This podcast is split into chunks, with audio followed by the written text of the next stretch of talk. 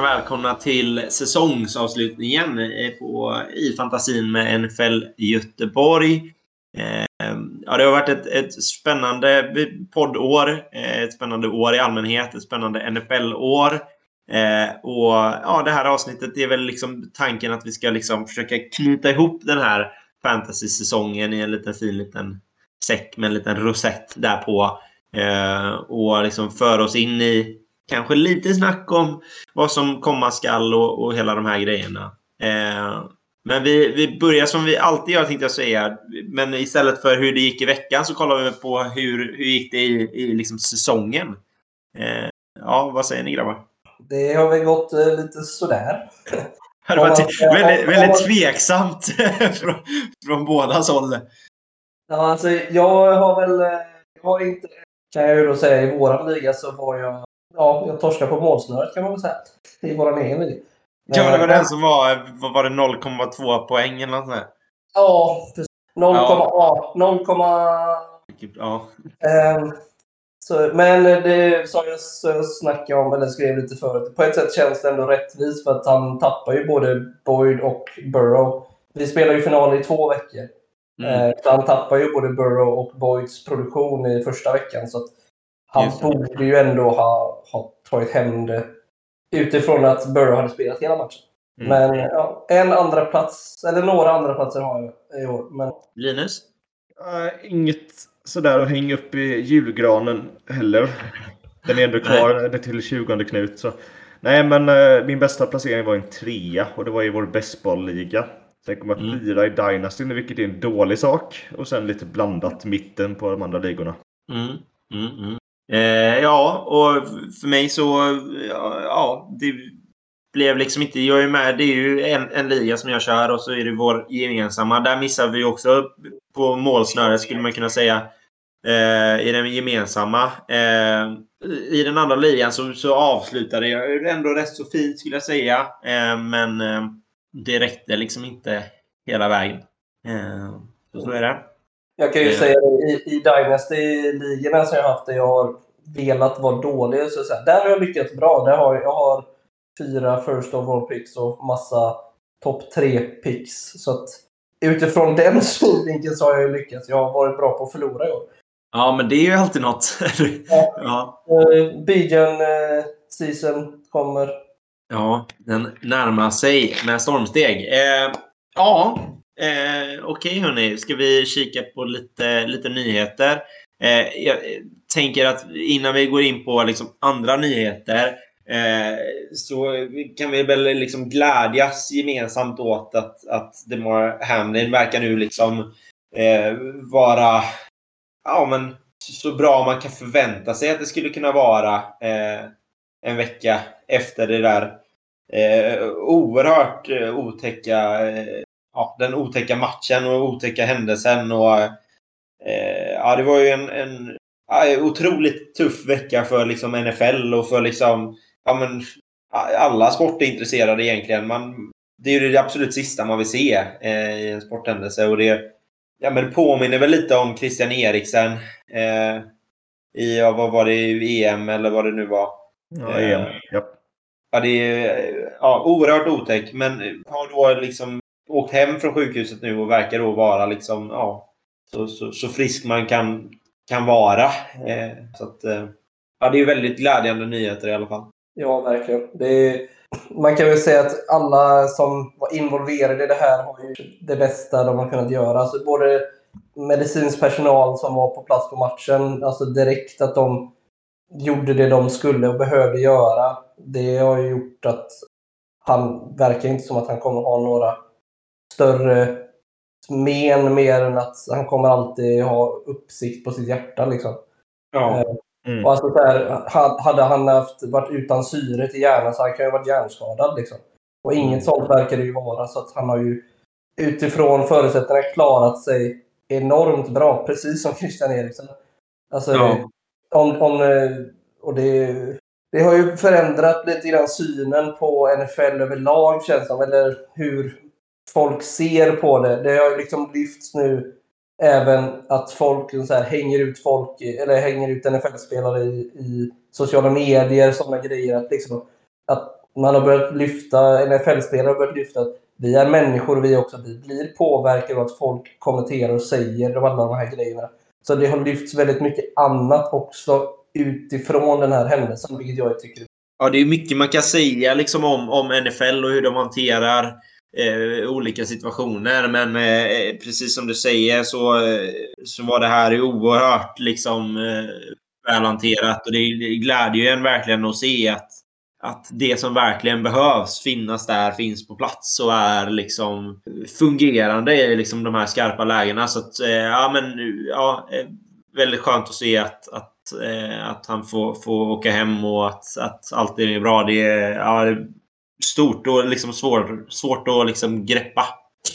Ja, nej, men en eloge till han coachen som gjorde hjärt-lungräddning där direkt. Som var inne på nyss, antagligen räddade hans liv. Liksom. Verkligen. Ja. Nej, det är, ja, det är, det är stort. Eh, ja, jag tycker också det, det summerar ju den här säsongen överlag. Att det mycket fokus, inte bara just det här då, men även hjärnskakning och sånt. Liksom att det, man behöver liksom ta en till syn liksom på hur jobbar vi för att förebygga skador mer. Liksom. Varit extra mycket i år alltså. Ja, verkligen. Och det är skönt. Alltså, det, är, det är precis det som NFL behöver. Alltså, det är ju det som är liksom ja, men problematiken inom sport i allmänhet också såklart. Det handlar ju inte bara om NFL.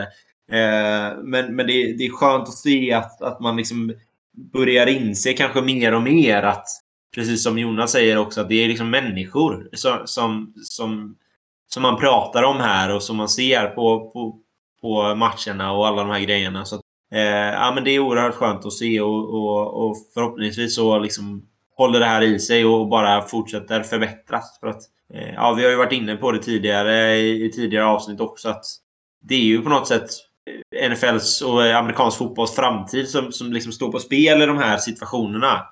Eh, ska, det, ska den här sporten fungera så, så är det ju det här, de här grejerna som, som krävs och, och som behöver, behöver diskuteras. Så att, eh, ja, verkligen.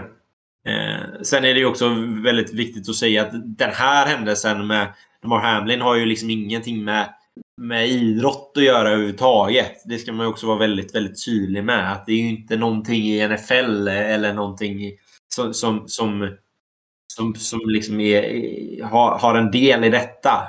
Eh, så, så vitt jag kan förstå det i alla fall. Jag är ju långt ifrån en läkare, men eh, det, det, handlar ju liksom inte om en smäll eller de här grejerna som, som gör det. Alltså på, på det sättet. Nej, alltså det, det, det, det är, han får ju en tackling, eller han ska tackla och få liksom i bröstkorgen. Men en helt som det är i vilken annan situation som helst som han har fått flera gånger, gånger förut.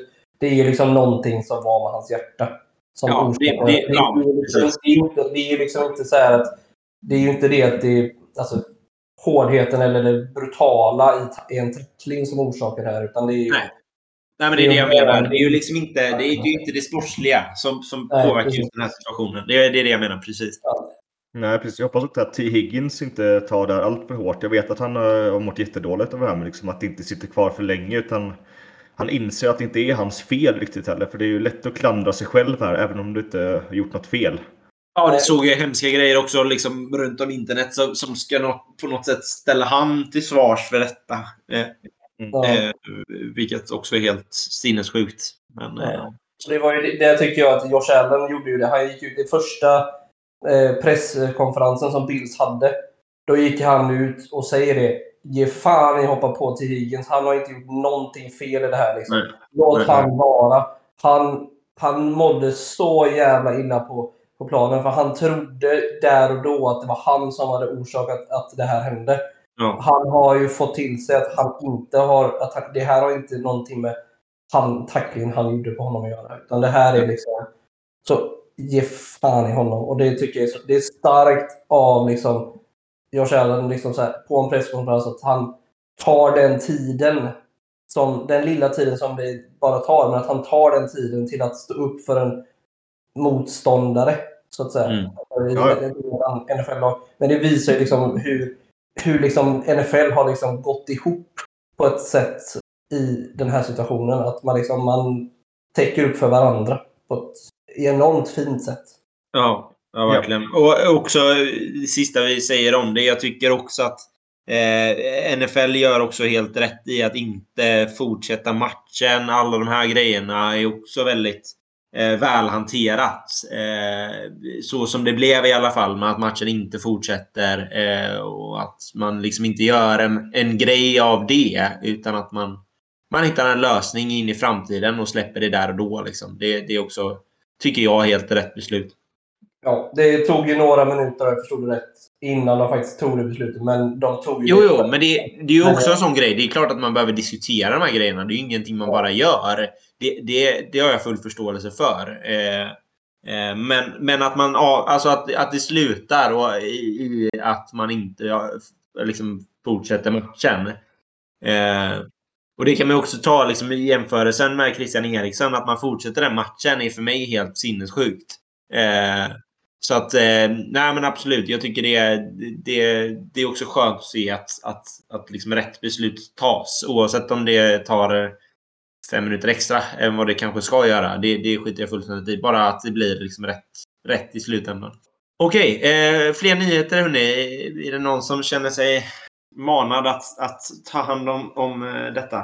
Jag kan köra på. Eh, Vi har Arizona Cardinals som väljer att sparka Cliff Kingsbury som i början av säsongen skrev på en förlängning till 2027. Så han kommer ju kosta klubben en hel del pengar, men han har fått sparken. Ehm, även deras eh, general manager, Steve Clem, har eh, valt att sluta på grund av sin eh, hälsa. Så att det kommer komma in både en ny GM och headcoach head coach Arizona. Eh, Ja, det är ett eh, spännande beslut tycker jag. Eh, lite på någon nivå. För jag tycker det, det är klart att, att Cardinals inte låg på den nivån som man hade förväntat sig denna säsongen och hela den här grejen. Eh, men jag har liksom inte sett några tendenser på att det är... Alltså, Cliff, alltså det är mycket. Kyler Murray var borta mycket. Eh, det var mycket hit och dit och fram och tillbaka. Hopkins var inte med i början. Alltså du vet, det finns mycket Ja. grejer runt omkring. Och du, vi pratade ju om det med Denver också. Eh, av att, vad, vad fan gör man när man hade liksom, vad var det, 30 spelare på IR? ja. Alltså, på någon nivå så måste man ju ändå ta med det i beräkningen. Och jag, nu vet inte jag hur länge Cliff Kingsbury har varit där. Säg, vad kan det vara, två, tre år? Något sånt, ja. Tre, Något sånt. tre år är det nog, tror jag. Ja. Ja, Lika länge som Murray va? ja och där, men jag menar där... Ja, då börjar man kanske liksom komma till en nivå som, ja men tre år, absolut. Men, Ja, vänta, nej, plus en draft. Det var väl han som draftade Murray efter Rosen floppade, var det inte så? Eller inte Ja, han det då, men det var under Ja. hans styre tror jag. Grejen är ju att man kan inte direkt... Alltså, Rosen var ju ändå helt okej i sin rookie-säsong, så att jag skulle egentligen inte säga att han var jätteflopp. Det var mer att de sa att ja, men Kyler är en större talang. ja. Så egentligen, det var väl inte Rosen. Skitsamma. Ja, Jag, jag, jag tycker inte det finns någonting i, i alla fall denna säsongen och tidigare som, som, som det man kan se utifrån ska vara på Kings, Kingsbury helt. Eh, det, det är därför jag är lite förvånad. Det finns ju andra coacher runt om i ligan som jag, som jag ser en, en liksom rimligare anledning att sparka än, än, än Kingsbury. Mm. Eh, sen som sagt, tre år. Det, det, då har man ändå varit där ett tag. Säg fyra kanske till och med. Eh, då, då kan det ju finnas andra liksom, delar av det som vi inte ser och, och som inte har med kanske liksom, matcherna och, och resultaten att göra. Eh, men jag, jag, ja, jag är lite förvånad ändå. Som säger, det kan vara locker room och allting, hur det, liksom, hur det ser ut i byggnaden när han tränar under veckan. Det är många saker som inte media har en aning om. Ja, och sen är det ju också viktigt att förstå, tycker jag också, att det är ju, det är ju liksom inte bara, bara spelare det handlar om och matcher. Det, det handlar ju liksom om, om allt runt omkring också. Du är, du är ju liksom på något sätt som headcoach chef över liksom så mycket mer än bara spelare och matcher. Det handlar ju om andra tränare och personal runt omkring. Och, alltså det, det, det tror jag man, man kanske bortser från lite för mycket i de här situationerna också. Att man ska ha med sig så mycket runt omkring också som headcoach. Även om du kanske inte är på pappret VDn eller liksom hela den här grejen. Så i den rollen så har du ett ansvar utöver bara det sportsliga och de här grejerna också. Och det handlar ju också om eh, inte bara spelare och inte bara coach, eh, liksom trädet runt, alltså neråt.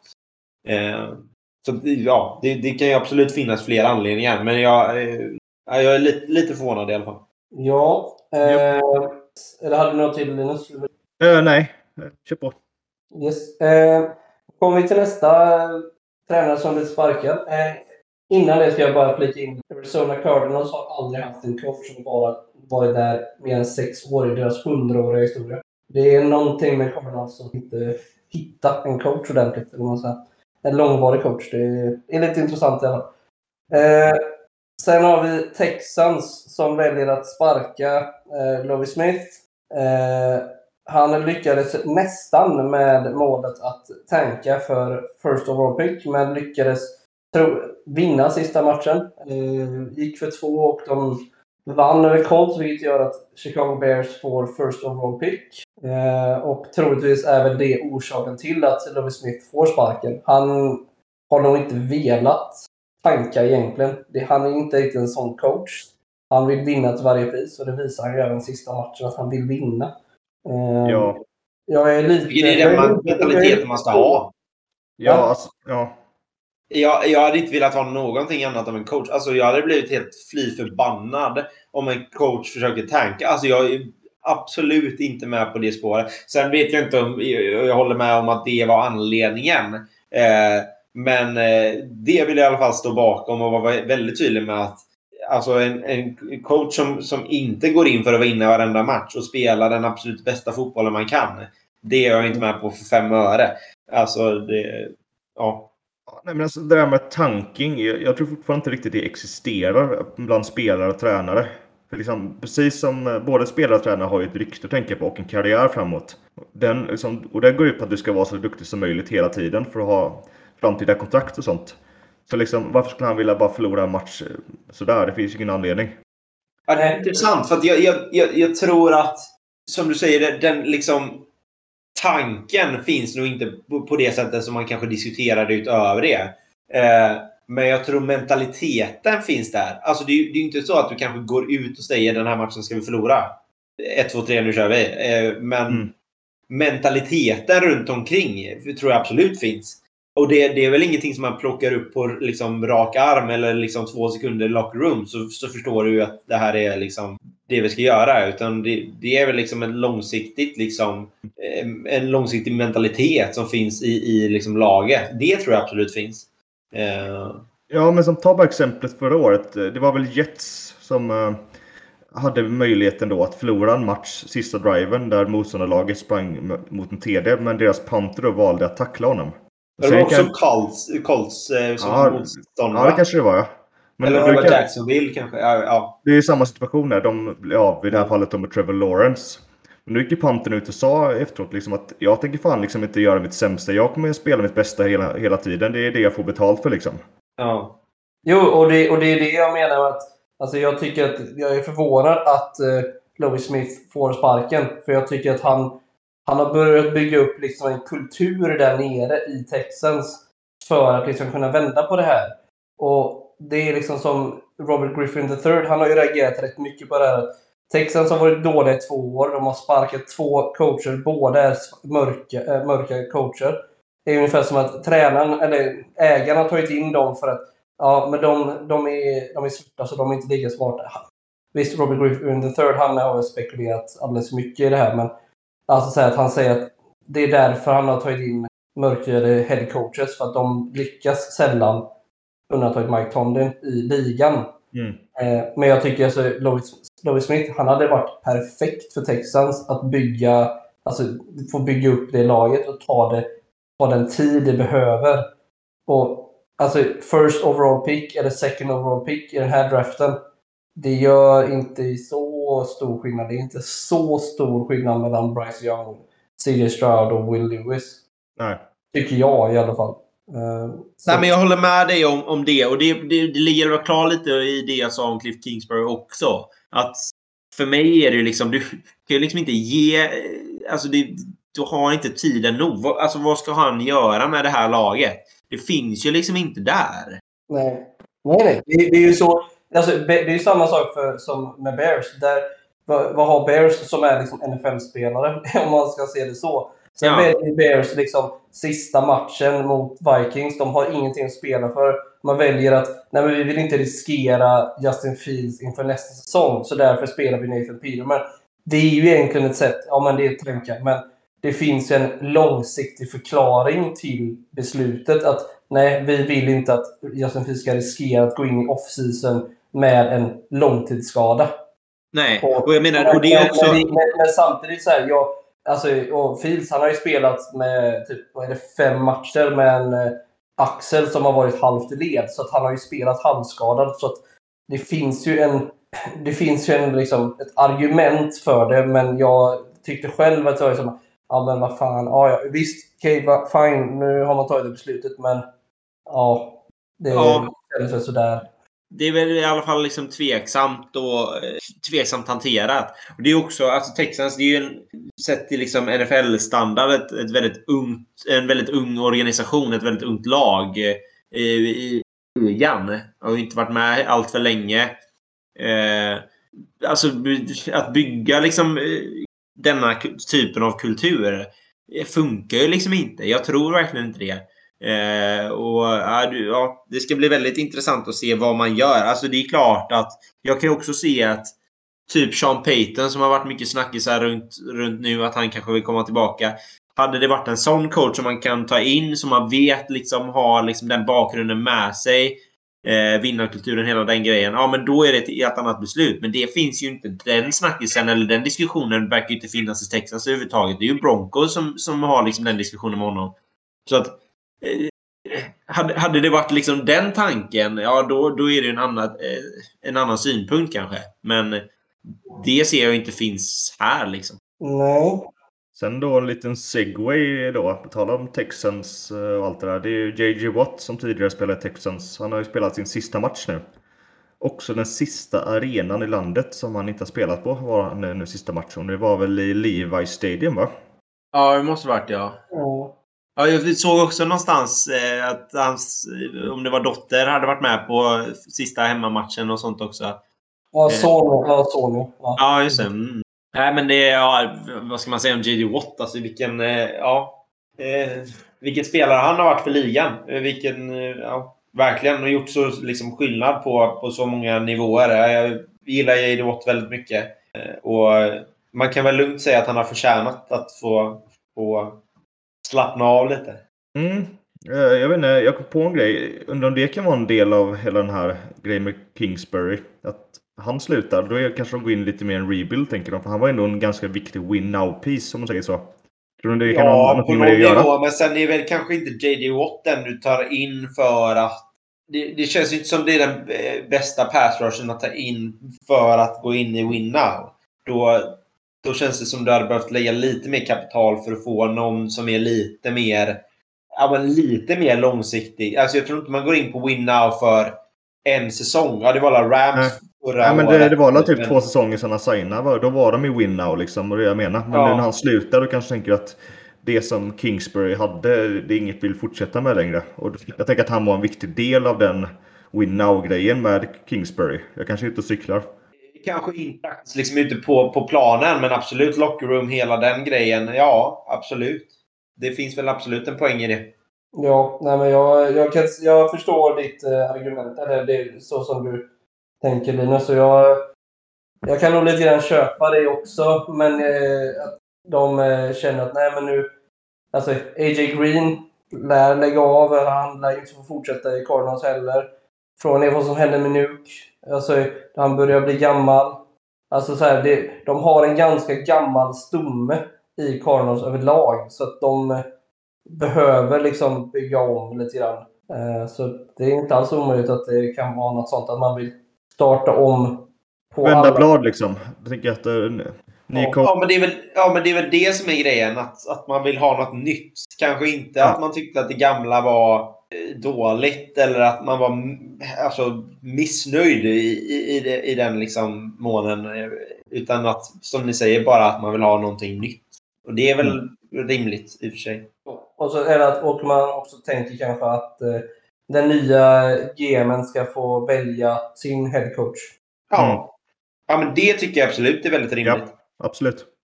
Men det, det, då hade väl också beslutet varit, eller då hade man väl kanske tagit in en GM först, gett han tid. Ja, Det, kän- det blir ju liksom inte hans, den nya GMs, han eller hennes beslut att, att sparka Cliff, Cliff Kingsbury i så fall. För att då hade man inte gjort det nu. nej. Det är sant. Mm. Ja.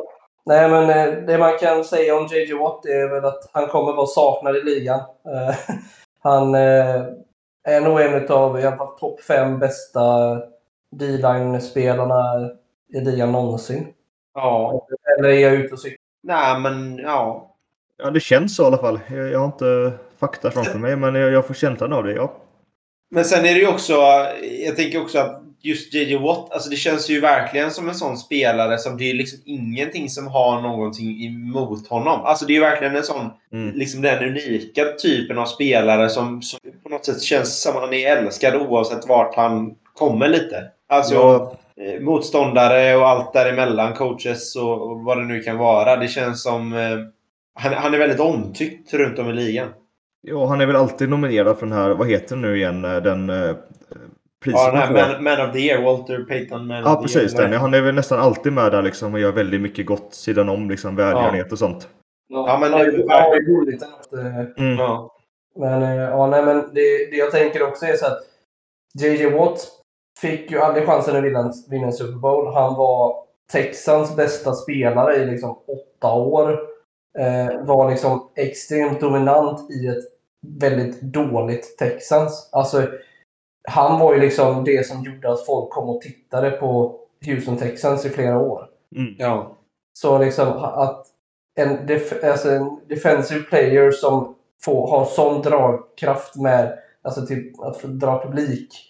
Hade han spelat i ett topplag, alltså undrar hur mycket sex han hade haft.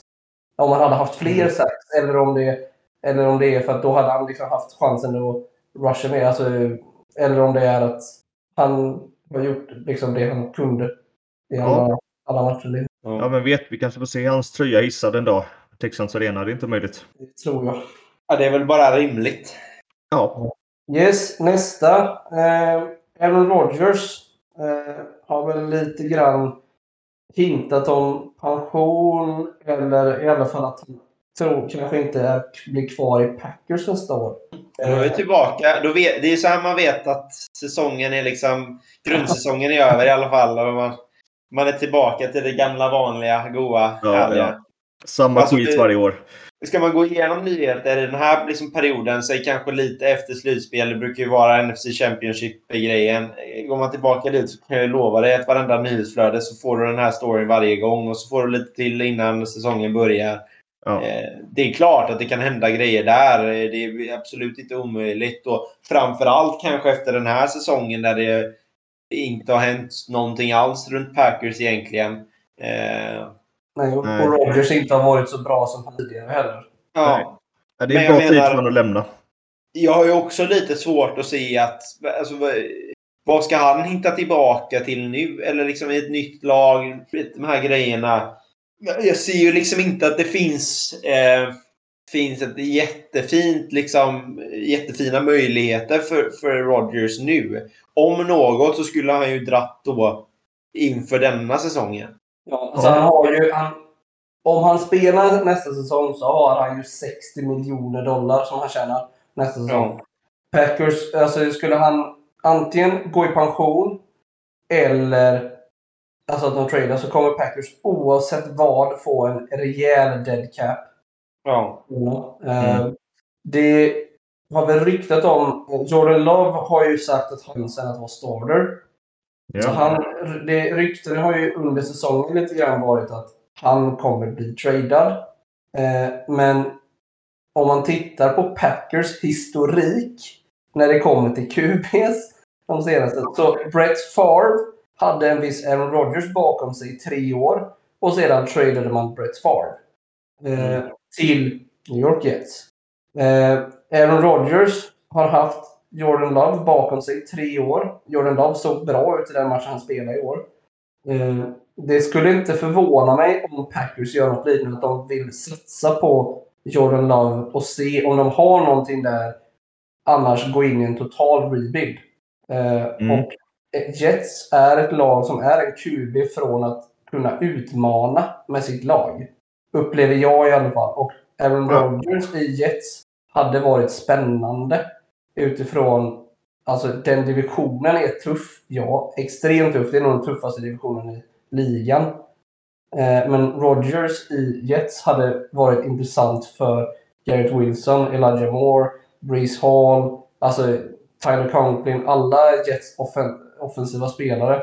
Och jag tror att Jets defense hade mått bra av det också, för de hade haft lite färre minuter på planen, troligtvis. Mm.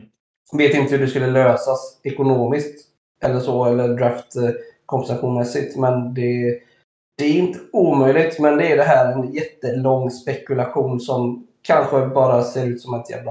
Alltså det låter som en idiot. Nej då, så där gillar vi alltså. Jag bara tänker på vårt Steelers-avsnitt vi hade förra året där när vi gick igenom deras QB-situation. Det är skitkul att diskutera sånt där potentiellt liksom.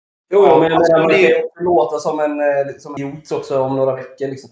Ja, men har du rätt så låter du som ett jävla geni. Tänk på det, det är värt det. Men det är också, alltså det, är ju- alltså det är väl ingen som, som, som säger emot att Aaron Rodgers fortfarande har talangen att fortsätta. Det är ju liksom inte slut på hans karriär om man inte vill det. Eh, så sätt. Så att eh, absolut. Sen är det ju jättesvårt att liksom bedöma sett till liksom hur, alltså hur ska Packers tänka? För jag, jag gillar Jordan Love väldigt mycket. Jag, jag tror att han kan vara bra om man får rätt möjligheter. Men det är ju det är också sådär, ska du betala så mycket pengar för Rodgers nu, ja, det, då är det väl kanske inte Jets. Alltså det, det är det jag tänker. Ha, är Jets villiga att lägga de pengarna som kommer krävas? Alltså det, det är de där grejerna. Då, då känns det ju kanske mer som att det är ett lag som, som inte har så mycket att förlora. Alltså typ, ta typ Texans då till exempel. Raiders. Ja, men alltså så här, det, det finns ju liksom... eh, Det finns ju potential i Jets utan Aaron Rodgers. Eh, Men jag tänker han vill ju vinna nu då, tänker jag. Han har väl in- inte annat att spela för. Han vill ju gå till en Nej. contender. men det, det är ju det som är grejen. Jag, det känns ju kanske inte riktigt som Aaron Rodgers är den snubben som är så här, ja men jag tar en alltså, pay cut, inga problem, vi löser det. Det, det känns ju som man vill ha den mentaliteten, men att han inte har den riktigt. Han vill ju Eh. säkert göra som Brady, gå till ett lag och sen bara vinna liksom. Ja, men problemet är ju att Brady i liksom 20 år tog ju pay cuts bara Ja. för att kunna vinna. Så det var ju liksom tvärtom. Rodgers har väl aldrig riktigt varit den personen. Och och jag är liksom väldigt svårt att se honom som en lagspelare på det sättet. För att han är så fruktansvärt jävla gnällig och hit och dit Mm. och alla de här grejerna. Eh, så att det, det jag menar är att Aaron Rodgers har ju inte lagt upp det så fint för sig själv under Nej. de här senaste åren. Och det är väl det som är skillnaden, tycker jag, om man jämför med till exempel Brady då. För Brady har ju liksom lagt upp det väldigt fint i, i, under den säsongen som han har haft. Med att ta pay cut, då är det ingen, ingen som säger någonting emot att han ska få betalt nu. Nej, Eh, jag hade ju absolut inte sagt att Aaron Rodgers tjänar eh, en stor summa pengar för att gå till till exempel Jets. Det, det, det ser jag liksom inte riktigt. Jag tycker inte han är där. Eh, så att, eh, ja, ja. Som du säger Linus, väldigt intressant att prata om men eh, ja, det är svårbedömt. också. Mm. Vi kanske får köra lite mer under off-season, spekulera lite vilt så här. Ja, det lär väl komma lite nyheter. Jo, ja. Mm. Men eh, hörni, ska vi ta och kika på vilka som är, var är bäst denna säsongen? Det är ju Mm, alltid trevligt. Bäst Eh, vecka 1 till 18 då, den här gången. Inte bara en vecka. Ja. ja, men precis. Bäst under hela säsongen. Ja, men jag kan väl ta den här som vanligt. Ja. Eh, då börjar vi med vinnaren bland QBs och det är Patrick Mahomes. Och han landar på 470 poäng, vilket då innebär 27,6 poäng per match. Sen Ja. har vi Josh Allen, 447, 26,3 poäng per match. Jalen Hurts, 405 på 27 poäng per match. Eh, Och anledningen varför den är högre än eh, Allen är att han har spelat färre matcher. Hans snitt är högre. Men det totala antalet poäng är fortfarande mindre, eller färre, än Allen. Mm. Ja, Jag måste säga att jag är lite förvånad. Alltså det, det känns känns liksom som Patrick Mahomes har liksom smygit sig igenom det lite. Eh, Ja. Man slog Alltså, hade- passing-rekord och sånt i år också. Ja, men jag tänker, alltså hade, man, hade jag inte fått det här framför mig så hade jag inte gissat på att Patrick Mahomes var QB1. Inte Det, sen sen är, det skiljer ju liksom inte massivt, vad är det, 23 poäng som skiljer till, till Josh Allen. Ehm, m- men eh, jag, jag tycker ändå han har varit lite sådär smygig och det vet jag att jag har liksom tagit upp några gånger under säsongen också. Att det är väl lite samma som Chiefs har varit den här säsongen. För de avslutade med, vad var det, 13 vinster eller något sånt här 14. Eh, de- har liksom varit under radarn. För jag tycker ju igen, jag vet att jag har pratat om det som sagt, men jag, ty jag tycker de har inte, det har inte varit så mycket wow-faktor kring Chiefs den här säsongen. Liksom, som du säger, man, under radarn, man vet ju att de är bra så man pallar inte snacka om dem liksom. Ja, men också lite, alltså, ja, om man ser till liksom Patrick Mahomes senaste säsonger så har ju den här absolut inte stuckit ut på något sätt överhuvudtaget. Nej. Det enda som sticker ut är att han inte har samma vapen runt omkring sig. Och det, det säger väl också någonting om Patrick Mahomes. Att han förlorar Hill men, men ligger ändå på samma nivå. Så att, eh, ja, det, och det ska bli oerhört spännande att se inför slutspelet. Vad, liksom hur Chiefs står sig. Jo, Eh. exakt. Men eh, under hans eh, fyra år är det väl, va? Så har de ju varit i AFC Championship alla matcher. Ja. De de har torskat så har varit på overtime. Så det, det är ändå ganska bra record kan man säga. Det kan man lugnt säga. Sen Josh Allen och, och Jalen Hurts, alltså, de har ju bara varit helt fantastiska den här säsongen. Och det, där är ju skillnaden, för Josh Allen var ju bra förra säsongen med. Eh, men eh, skillnaden mot Patrick Mahomes var ju att det sticker ju ut mycket mer kring Josh Allen, tycker jag. Eh, och Jalen Hurts såklart. Eh, ja, det... Jo, och det, det alltså om man tittar här med Josh Allen, vad var det? Tre poäng? Vi vet ju inte. Alltså, hade den matchen spelats så kanske det hade varit Josh Allen som var QB1 i år. Men Ja, alltså så här, så, men blev det som det blev och då är Josh Ja. Allen Men det, det är liksom så här, de, de, de här topp tre QB'na kan man ju säga, i alla fall topp två var ju ganska väntade och Jalen Hurts var, tro, trodde man ju att skulle han lyckas, alltså om han lyckades i år så skulle han ju vara med i toppen. Så att, no. Exakt. Och det, det ska jag säga också. Jag trodde ju inte på Jalen Hurts den här säsongen. Det var för att jag inte trodde på Eagles den här säsongen. Eh, men de har ju verkligen motbevisat eh, mig. Det, det har ju varit eh, sinnessjukt bra. Eh, eh, och ja, men så att eh, det är väl inga överraskningar direkt på den här QB topp top 3-listan. Nej, exakt. Eh, sett, sett hur säsongen har sett ut. Japp. Eh, och sen ska vi köra en liten bonusgrej här och det är då den QB jag tycker har överpresterat mest och den som har underpresterat mest. Mm. Och börjar vi då med den som har stuckit ut mest här och det är då Geno Smith som landar som QB5. 344 poäng och 20,2 point per game. Och Ja. då, ja, eller ska vi ta båda med en gång kanske? Så kan vi diskutera. sen. gör det. Absolut. Eh, Och då årets flopp som vi valde att kalla honom för, det är Russell Wilson. 252 poäng, 16,8 poäng per match. Ja. Ja, Ja, men- Geno Smith, vad säger man? Det, det, ja, jag vet liksom inte riktigt vad jag ska säga. För att det är också lite på något sätt under radarn, kan jag tycka. Eh, för det är ju... Ja, jag vet inte. Det, det känns på något sätt lite under radarn. För jag menar QB5, eh, eh, det är ju riktigt bra. Eh, och det ja, ska ju bli också eh, oerhört spännande att se och lite kul på något sätt för Seahawks också. För man hade väl liksom räknat bort dem lite efter Russell Wilson drog därifrån och hela den grejen. Eh, men det, det ser ju väldigt fint ut tycker jag och, och jag tror också att Seahawks har en rätt så bra möjlighet att vinna mot, mot Niners nu i, i wildcard-rundan. Eh, så att, eh, ja men det, det, det är ju på något sätt lite ironiskt att det blir Gino Smith och Russell Wilson liksom ihop på den här listan. Ja, precis. Och det är vår lista liksom. Men ja, man ser ju vem som vann den traden kan man säga lugnt. Ja, ja men verkligen. Eh, Nej men så, ja, ja, väldigt kul för, för Gino Smith och för, för, eh, för och eh, ja, blir ju liksom lite fascinerande. Alltså för det är ju det, det där som är grejen. Alltså Seahawks kan ju vinna matcher och de kan ju vinna matcher i slutspelet också. Det, det tror jag verkligen. Eh, så att eh, de kan vara lite sneaky tror jag. Mm. Absolut.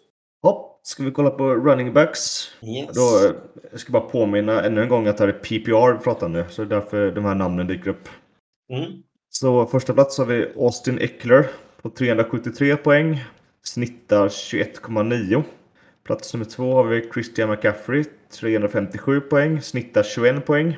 Och plats nummer tre har vi Josh Jacobs 328 och snittar 19,2.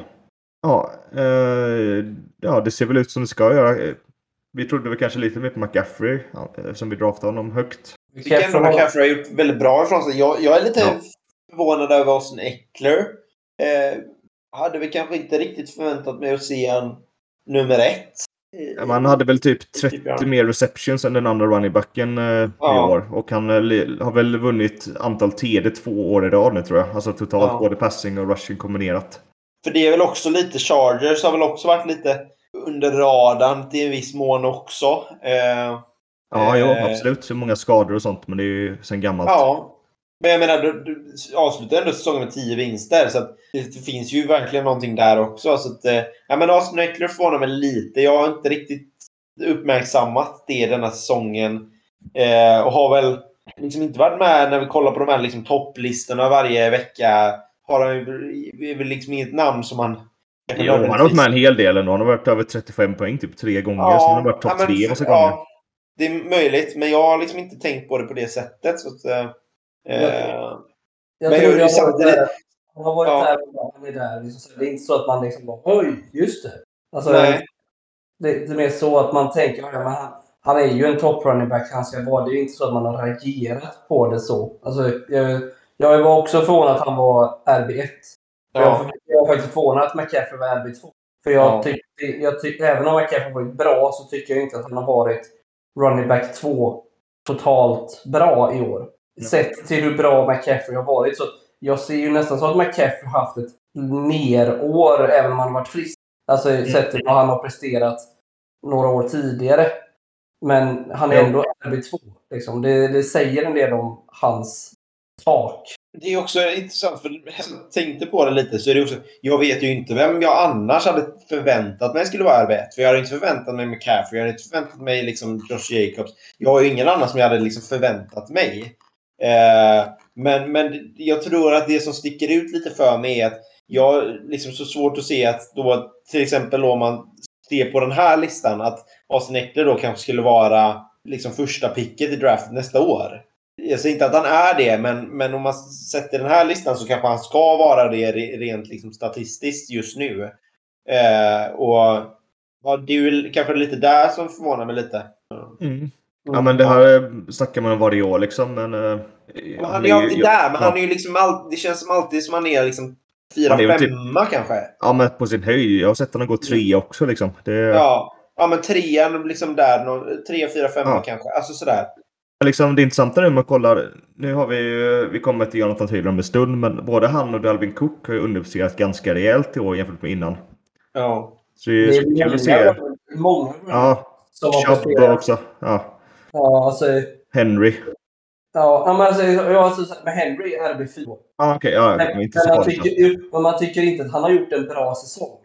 Nej. Ja, men han har ju varit bra på slutet. Han har också varit borta Ja. en del. Alltså det, Ja, Mm. precis. precis. Ja. Det det. Alltså, de, de här running backsen som har varit så här i toppen, de har haft bra matcher, men de har inte varit så konsekvent bra som de har varit tidigare säsonger. Antingen Nej. på grund av skada, Henry till exempel, eller eh, Cook, att han har haft några bra matcher, men han har inte liksom hittat en zone som han har gjort tidigare år.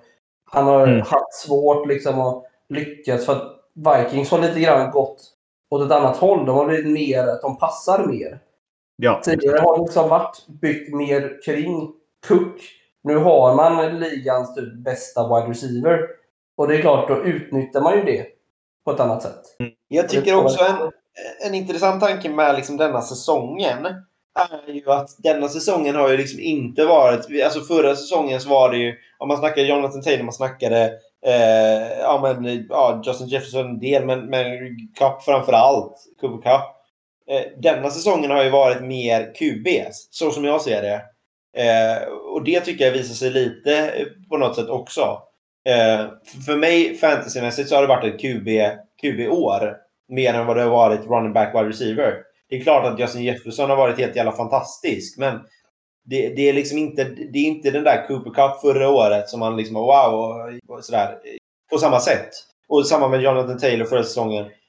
För mig har det varit ett QB-år. Ja, Alltså, alltså, ja, Med liksom alltså, uppgången i Fields och, och med Hurts och, och, och Josh Allen för all del också. ja. alltså, alltså jag, kan, jag kan hålla med dig topp-QB'na, eller så här, de unga, eller typ, ja, men då Justin Fields, de har tagit steg, de har varit jävligt bra, men det har varit en sämre bredd på QB i år som har presterat mot vad det varit tidigare. Så det har varit svårt att eh, liksom, använda sig av waiver wire pickups, alltså plocka upp QB den vägen mot tidigare år. För där har Ja, varit absolut. Men det är det jag menar, den toppen. Bra, men de som har presterat bra har varit jävligt bra. Så Ja. där håller jag med dig om att av, den anledningen har det varit ett QB-år. Att Det är ju har den, varit det är den liksom toppen som har varit denna säsongen. har ju varit, så som jag ser det, på, på QB. Eh, och det, ja, det är det jag menar, det visar sig lite i det här. Mm. Eh, ja, också värt att nämna Josh Jacobs, eh, running back nummer tre. Den tycker jag är lite förvånande faktiskt.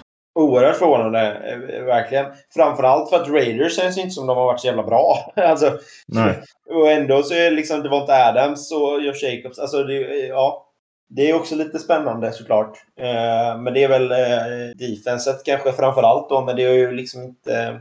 Det är de där pangmatcherna. Eh, Ja, men, det ja, har alltså, det, är, det också lite svårt. Vad ska man, se, vad, vad ska man lägga Josh Jacobs nästa, alltså inför draften nästa säsong? Var, var har man honom någonstans? Alltså, ja, det är ju, det är ju så här runda tre tänker jag att han är fyra, kanske där någonstans typ. Ja, men det kommer ju inte funka nu om man blir Nej, RB3 exakt. nu. Alltså, det, ja, det blir ju liksom helt... Fråga nummer ett är ju var spelar Oh. Ja, För att han Det- har ju, de, de, de valde att inte aktivera hans 50 options eh, 50 Ja. option i år. För att de eh, kände att nej, men han har varit för skadeförföljd och inte... ja. Alltså, han har varit bra, men han har liksom inte... Så här, och det är en det är en ny regim som inte draftade honom. Och, typ så, och så går han nu och är liksom helt jävla dominant och håller sig frisk hela året. Mm. Förlänger Raiders med honom, ger de honom franchise tag eller släpper de honom. Och släpper de honom, honom då handlar det helt och hållet var hamnar han? Blir han kvar i Raiders? Ja, då tror jag att han... Då finns det, då finns det möjlighet att han skulle kunna snika in andra rundan liksom, så här, för att då sett till att de, Q, eller de running backsen som vi har draftat de senaste åren i första andra rundan är till åldern och börjat komma upp riktigt ordentligt i åldern. Josh Jacobs är yngre, inte ung, men yngre running back. Sen kommer Mm. det komma en massa jättelovande running backs nu i den här draften som kommer ta många starting jobs och vara jättebra fantasy säkert nästa år. Men det, för honom handlar det nog mycket om var han hamnar och om han håller sig frisk. Ja, men på något sätt oavsett var han hamnar så... Alltså det är väl skadedrabbad, liksom. Det är ju liksom den delen som, som är frågetecknet. Men på något sätt, alltså bortser man från skaderisken eh, så oavsett var han hamnar så ska han ju vara, tycker jag då, i, i, liksom i alla fall andra rundan. Eh, sen är han skadedrabbad, det kommer ta ner han såklart. Men så som han har varit den här säsongen så, så finns det ju liksom absolut ingenting att klaga på. Så att... Eh, eh, vi- jätte, jättesvår bedömd situation kommer det vara, tror jag. Ja, vi borde göra en alldeles för tidig eh, ranking för nästa draft tycker jag. Ja, Eh, men det låter, låter Kan inte vi alls göra en fel. eh, lite innan draften så kan vi jämföra och sen efteråt såklart. Verkligen. Eh, yes, då kollar vi på årets överraskning. Det har faktiskt två namn som vi valde att ta med. Första är då Tony Pollard och Ramondre Stevenson som båda hamnade på 249 poäng. Där då Pollard hade snittet eh, lite, eh, ungefär en poäng högre per match. Jag antar då att det har att göra med antal matcher man spelat helt enkelt. Ja, du, du får ta Pollard så tar jag Stevenson då. Ja, okej. Eh, orsaken till att, man, att jag argumenterar för Tony Pollard som eh, årets överraskning är ju att han har varit en timeshare Eh, med eh, alla i Cowboys med Zeke som ägaren mer eller mindre har adopterat som sin extra son ungefär. Så att liksom, ägaren driver ju för att Zeke ska spela hela tiden. Han ska alltid göra touchen, han ska alltid göra det ena och det andra. Men Pollard har i år visat att han är den bättre running back eh, Cowboys. Eh, han har lite grann gjort det under radarn ändå. Det är inte så att han har stuckit ut särskilt mycket Pollard i år. Han har, han har haft flera höga liksom, high scoring matcher. Men han har varit väldigt stabil till skillnad från tidigare år där han har varit mer upp och ner. Eh, och det är en överraskning då att för Cowboys har deras offense inte heller riktigt klickat känns det som. Men han har också varit en så här ja, men topp 10 running back genom år. Jag tror han var 7 eller 9. Eh, så det är positivt överraskande och om jag tror att blir Pollard kvar i Cowboys och Zeke försvinner, då kan nog Pollard vara en topp 5-pick. Alltså, oj, oj. Jag vill bara slänga in en liten statistik också. Alltså det skiljer bara tre, ja, kanske tre och en halv poäng i, i, om du kollar på average liksom, poängen mot Pollard och Zeke. Och det, ja. det är ju också, talar ju ännu mer för Pollard på något sätt. För att Zeke har ju liksom inte varit dålig på det sättet som man kanske tänker att han har varit. För han har ändå plockat in lite poäng här och var, Zeke. Så att det ju liksom, gör det ju liksom ännu mer imponerande. Alltså ja. man förväntar sig kanske att Zeke ska ligga på liksom, ja men, 4-5 poäng när, när Pollard har varit så bra. Men han har ju liksom flera matcher där han ligger på liksom 15, 16, 17 poäng. Eh, mm. Så att eh, det, det, är ju liksom ännu mer imponerande att, att ja, kanske för cowboys i allmänhet då, att, att, kunna ligga på den nivån. Plus att CD Lamb ändå har varit rätt så bra. Ja. Men ja, Stevenson i alla fall. För det... Ja, förlåt. Nej, jag ska säga, nu, nu får du säga. Ja. Nej, men Stevenson. Jag tänker bara på att det, han har varit oerhört bra. Alltså, han, han har gjort liksom grejer mer än vad man liksom förväntar sig att, att sin runback ska göra. Eh, han har verkligen den, den förmågan att, att liksom ta sig ut i situationer och, och ta extra yards där det liksom inte ska gå att ta extra yards. Och jag tror att det är det som gör att han har varit så pass bra, även i fantasy, som han har varit. För att han plockar så mycket yards på de grejerna. Eh, däremot så, så finns ju alltid den där tanken i bakhuvudet att han är en Patriots-spelare. I alla fall så som det ser ut nu. Eh, vilket gör att jag vågar liksom inte ens säga det minsta lilla om, om Stevenson inför nästa säsong. Eh, för jag tyckte att, att det fanns mycket lovande liksom runnerbacks eh, i Patriots förra säsongen också. Som skulle kunna tagit steget in. Som inte var Stevenson. Men som inte gjorde det och Stevenson tog över istället. Så att, fastän han har varit hyperbra den här säsongen så, så säger det mig liksom ingenting egentligen. För att han hade lika väl kunnat vara helt värdelös och varit på den här nivån nästa säsong. Eh, så att Stevenson är också en sån. Alltså Pollard vet man ju på något sätt kommer prestera nästa säsong. Stevenson vet inte jag det. Eh, och, och eh, det gör det ju väldigt klurigt. Ja, men absolut. Kan ju bara flika in det nu när vi hade vår Dynasty Draft eh, i den här säsongen eh, i dynastin med NFL Göteborg så tradade jag bort min tionde runda pick mot Måns två first round picks där han då plockade Stevenson. Tänkte mm. bara, det är helt idiotiskt men ja, nu efterhand, det var inte så dumt alltså. Nej. Och det är också, alltså sådär, ja, jag, jag, vet inte hur Patriots kommer göra. Det är så svårt att se. Framförallt hur denna säsongen blev. Så blev det ju på något sätt rätt så okej okay i slutet ändå. Eh, för ser man liksom sett till liksom hur säsongen har känts så har det liksom inte varit så mycket att hurra för. Och då kanske man behöver göra ordentliga förändringar. Men man började hitta det där eh, i slutet nu. Eh, vilket gör det liksom ännu svårare att veta hur de ska lägga upp det. Eh, men han är också väldigt ung liksom. Vad är han? An ja. Andra året nu va? Så, så han... men det, och det är ju... Ja, nej, men, ja. Det är det där. Patriots. Hade det varit vilket annat lag som helst så, så hade man ju trott på honom nästa säsong. Ja. Eh, och jag säger inte att jag inte tror på honom, men det är bara helt jävla omöjligt att, att bedöma. Eh, men det är ju lite av en chansning att drafta honom. Så är det ju. Ja, ja det är ju Bill Belichick-effekten. Man vet inte vad som händer. Nej. Nej, och det är ju liksom det som har gjort Belichick så jävla bra också. Det är ju, det är ju liksom den, det, det överraskningsmomentet som finns i hans liksom sätt att, att lägga upp eh, ett NFL-lag. ja. Ja, men precis. Eh, japp, årets flopp då. Jonathan Taylor, den är väl alla överens om. Visserligen en del skador och sånt där också. Men han landade på 146 poäng och snittar 13,3 poäng per match. Med tanke på att han var liksom konsensus first overall överallt så får man ändå säga att det är en flopp. Ja, ja, det finns ju ingen snack om saken. Sen, sen är det väl värt att nämna att han har gjort bra matcher och alla de här grejerna. Varit mycket skador och hit och dit. Eh, jo. Men det finns ju liksom ingen annan att välja på den här. eh, Liksom, om, man, om man säger årets flopp så är det liksom självklart eh, att det ska vara Jonathan Taylor, tycker jag. Ja. Eh, Ja. Precis som du säger, det är ju av precis den anledningen att det, det var väl liksom ingen annan som tänkte att det skulle vara någon annan eh, på first round. Liksom. Nej, men, eller vi valde ju att gå för C-Mac då. och Det lönar sig Det faktiskt. lönar sig, ja precis. Men det var ju en chansning när vi satt. Vi sa, vi, det, han har ju varit skadeförföljd det senaste. Och man trodde ju på Jonathan Taylor. Han, fick, han har fått Mac Ryan som är en veteran quarterback som skulle kunna styra offenset. Men det visade sig att Colts gjorde en missberäkning. De hade ju kanske mått bättre av att ha kvar Wentz. Ja. Till och med. Yes. Ska vi kolla på wide receivers då? Börjar vi Mm. med Justin Jefferson.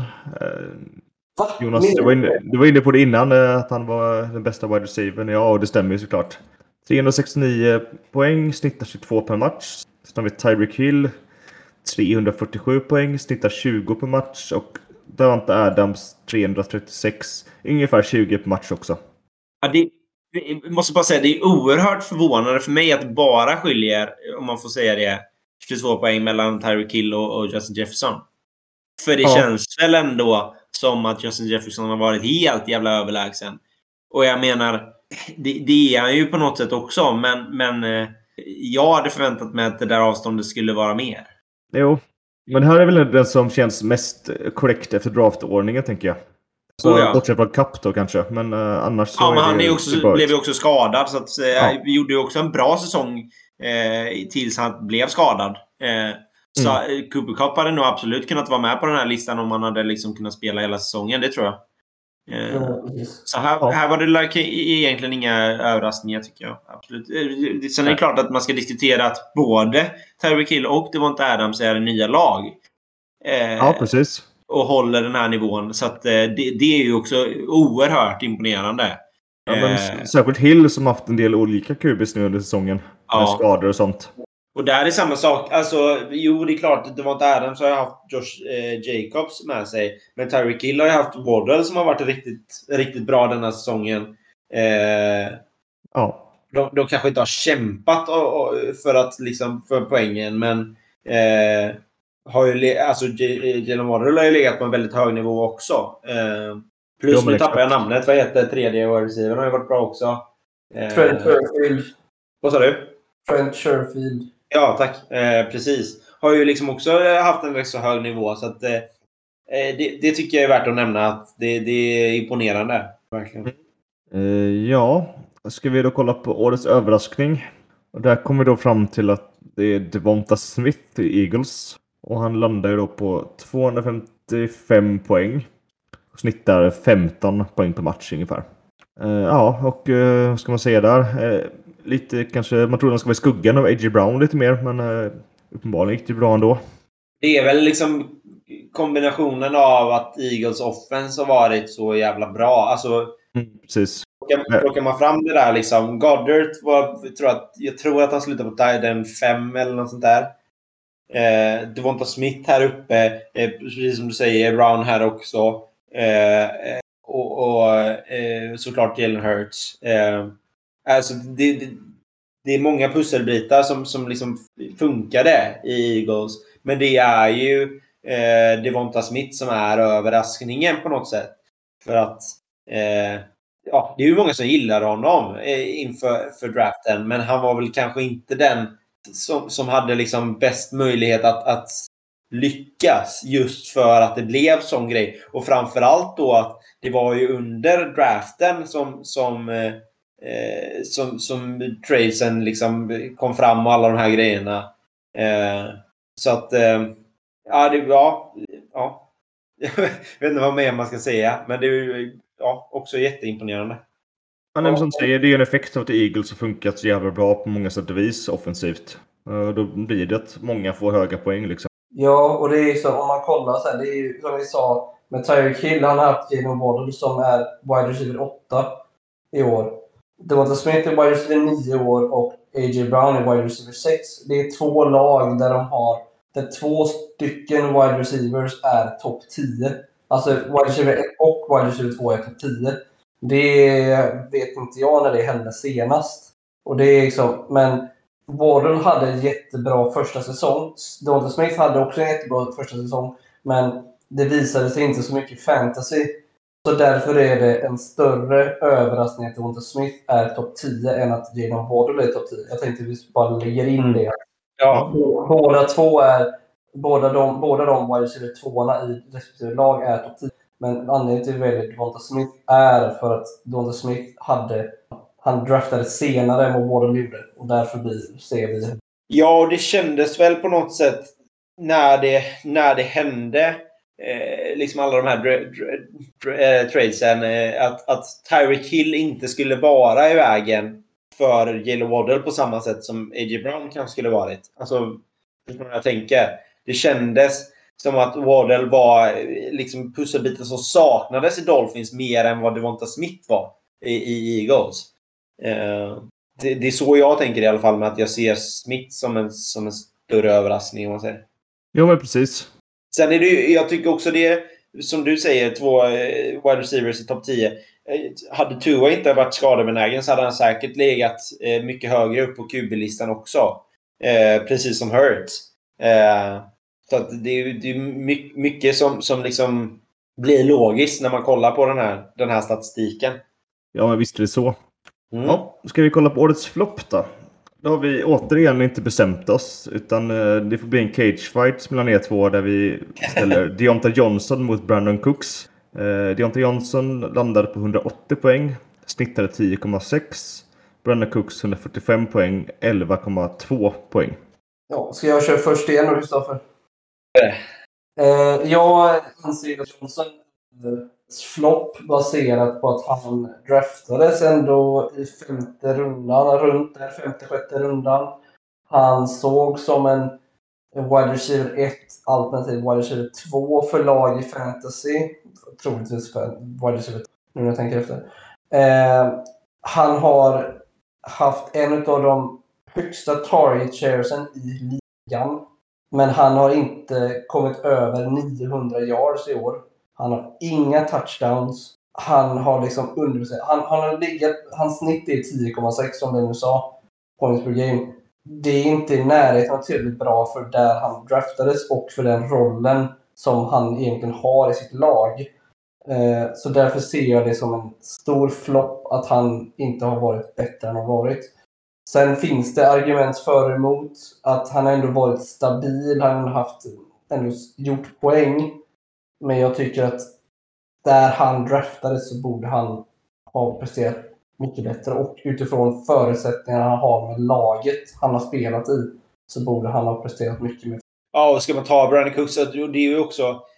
Det är väl två olika sätt att tänka på årets flopp som vi diskuterade lite innan vi startade avsnittet. Att, eh, men, men så som jag ser det med Brandon Cooks och min tanke kring, kring det är ju att för mig var det liksom en liten no-brainer att han ändå skulle plocka poängen. Alltså ligga på den nivån som man på något sätt alltid har legat på. Eh, för jag kan liksom inte minnas att Brandon Cook har varit med och inte liksom plockat in poäng så att man ändå ja, men sådär perfekt att man får de poängen som, som liksom behövs. Eh, och det fanns ju inte denna säsongen. Och jag menar, han har, samma förutsättningar som man på något sätt känns som man alltid har haft. Eh, men blev liksom inte ja, men tillräckligt delaktig. Och, och, men framförallt när man kollar på PPR så ska han ju ha mycket mer eh, catches och alla de här grejerna än vad han, vad han har. Eh, sen är det ju värt att nämna också att han är nio år in. Eh, och det är väl kanske lite orättvist att förvänta sig de här grejerna av honom. Eh, just för att han kommer upp i åren har liksom helt värdelöst offens runt omkring sig. Eh, men eh, floppar ju ändå på något sätt och, och blir ju liksom, går ju ner i, liksom mot, ner i spiralen liksom. Eh, och, och kanske bort från fantasy i allmänhet skulle jag misstänka. Eh, för att det finns ju liksom ingen anledning för, för Texans att, att ha kvar Brandon Cooks nu så som jag ser det. Det finns eh, annat att spendera liksom pengar på och alla de här grejerna. Eh, så att, eh, men ja, absolut. Det, och det finns ju många man kan plocka ut här på wide receiver-sidan som, som floppar. Eh, så det är ju verkligen inte bara de här två heller. Det ska vi också vara tydliga med. Att det finns, finns ju rätt många som floppade eh, denna säsongen på wide receiver-sidan kan jag tycka. Ja. Vi var ju inne på, på Denver wide receivers också. Eh, och, ja, nej, så att, eh, Ja, det, var, det var Ja. svårt att välja en, en så kan man, eh, på wide receiver, så det fanns, det fanns så Ja. många. ja, men det kändes lite så. Ja, alltså jag kan säga jag har haft båda de här spelarna i mina lag i år och det har varit så här. Jag har liksom knappt velat starta dem. De har liksom så här, typ projicerat runt typ 11 poäng. Så bara det, de är så jävla platta liksom. Vill man ha dem ens på flex typ? Så det har aldrig känts bra liksom, att spela Cooks eller Johnson det här året. Nej, och det är ju de, de delarna som blir så himla svårt. För det är ju inte en uppenbar flopp i den månaden att, att det inte kommer in några poäng alls. Nej, det är ju liksom så här Eh. ganska högt tak. Men, eller förlåt mig, högt golv men ganska lågt tak typ. Ja, eller liksom, ja. Du får ju eh, liksom ett, ett, ett average som du kanske kan leva med. Eh, Ja. Men ofta Men- vill man mer än 10 poäng på en receiver när man spelar fantasy Ja. liksom. Det är ju det som är grejen. Det, det sätter ju en i en så svår situation, precis som du är inne på. Eh, om om liksom hur man ska hantera det. Eh, så att, eh, nej, ja. Det, ja, det, var, det var svårt att välja en. Ja. det fanns, fanns flera. Nej, men det går att två också. Det är helt okej. Vi bestämmer. Det är vår Ja, podd. det, det var, precis. Vi gör vad fan vi vill. Ja. Ska vi kika på tight ends? Tycker jag. Då har vi Travis Kelce, 371 poäng. Eh, Snittade nästan 22 poäng per match. Eh, Han kan säga att han tog det här med hästlängder. Eh, TJ Hawkinson hade 258 poäng, snittade 15,2. Och George Kittle 231 poäng, snittade 15,4. Ja, jag har liksom ingenting att, att påpeka om detta. Det känns liksom precis Ja. som man typ hade förväntat sig kanske. Ja, men också lite kul just med Kelce. Man snackar alltid om att det är han gammal, är han lite slut? Nej, Ja. det är varenda jävla diskussion varje år. Det är aldrig någon som har rätt i den här saken. Nej. Nej. Och, Man eh, kan, man kan ju säga här med, med Kelsey, jag ska bara kolla hur många touchdowns han hade i år. Men tar du bort alla touchdowns för Kelsey i år. Han har eh, 12 touchdowns. Tar du bort alla hans 12 touchdowns så är han ändå, eh, ändå tight. Ja. det är sjukt. Det är så helt... Det, är- det, så det var ju liksom ingen riktig konkurrens detta året. Nej. Nej. Det, Nej, det blev ju liksom ingen konkurrens överhuvudtaget, känns det Nej. som. Eh, eh, ja. Andrews Det- föll ihop i slutet. Ja. Ja. För när, när, när Lamar skadade sig så eh, försvann ju Andrews. ja. Det var ju liksom en period, men det var ju liksom inget långsiktigt mönster man kunde se på Tyrant som man såg för ett par år sedan. Kanske, eh, där, där det liksom eh, fanns mycket eh, att, att, hitta där eh, runt omkring Tyrants. Eh, det är klart att Hockeysson och Kittel ligger på en väldigt bra nivå också. Eh, det, det, det gör de ju verkligen. Ja. Eh, men, ja, men det är typ det här jag hade förväntat mig. Ja men Hockinson tycker jag är kul ändå. För att visst, han har ju ändå varit lite så här mycket talang men aldrig riktigt lossnat för honom. Men jag tror att den här Vikings-traden gjorde väldigt bra för honom. Ja, Men visst, var bra i Lions också. Ja, det var innan, innan dess också. Så att, eh, ja, men verkligen. Så han kommer nog vara nästa år också kan jag gissa på nu. Ja, nej, men det, ja, det, jag gillar Hockinson. Verkligen. Uh, japp, ska vi kolla på årets överraskning. Och här tror vi var överens allihopa va? Ja, men verkligen. Kanske var något frågetecken, men vi valde i alla fall Evan Engram. Och han då hade 213,4 poäng och snittat 12,5 poäng per match. Ja, det tagit mig väldigt lång tid att eh, liksom kunna... Eh, liksom, om någon säger ja, gissa vems Tiden 5 kommer vara. Jag tror att han Ja. var Tiden 5. Ja. Eh, det hade tagit mig en jävla många försök för att eh, hitta även Ingram på den där eh, listan. Precis. Och det säger väl liksom allting, att det, det är liksom den överraskningen. Alltså det är ju, fanns väl egentligen ingenting som tydde på att det skulle vara en bra säsong för Evan Ingram. Sen är det ju 12,5 fantasypoäng i snitt. Det är väl kanske inte sinnessjuka siffror. Eh, men eh, ja, det fanns liksom inte så jättemycket annat att, att hitta här. Nej, men precis. Ja, men kul att han hittar just den här connection med Lawrence nu under Doug Peterson. Att det funkar. Ja, verkligen. Sen, så Evan Ingram har ju haft, hur ska man säga, heta matcher och kalla matcher. Han har ju varit liksom antingen eller. Det har inte varit en stabil, men det, Nej. han har ju varit... Han har ju varit eh, en väldig överraskning. Att han, det skulle bli så bra i, i Jags, det hade man ju Ja, men precis. Mm, något av en um, waiver-stil för många kan tänka mig plocka upp honom. Ja. Sen när man då vände på det, årets flopp. eh, efter lite diskussioner så valde vi ändå att gå för Kyle Pitts. Han har också haft lite skadebekymmer och sånt. Han är på IR just nu exempelvis. Men ändå. Han landade på 89,6 och snittade 8,9.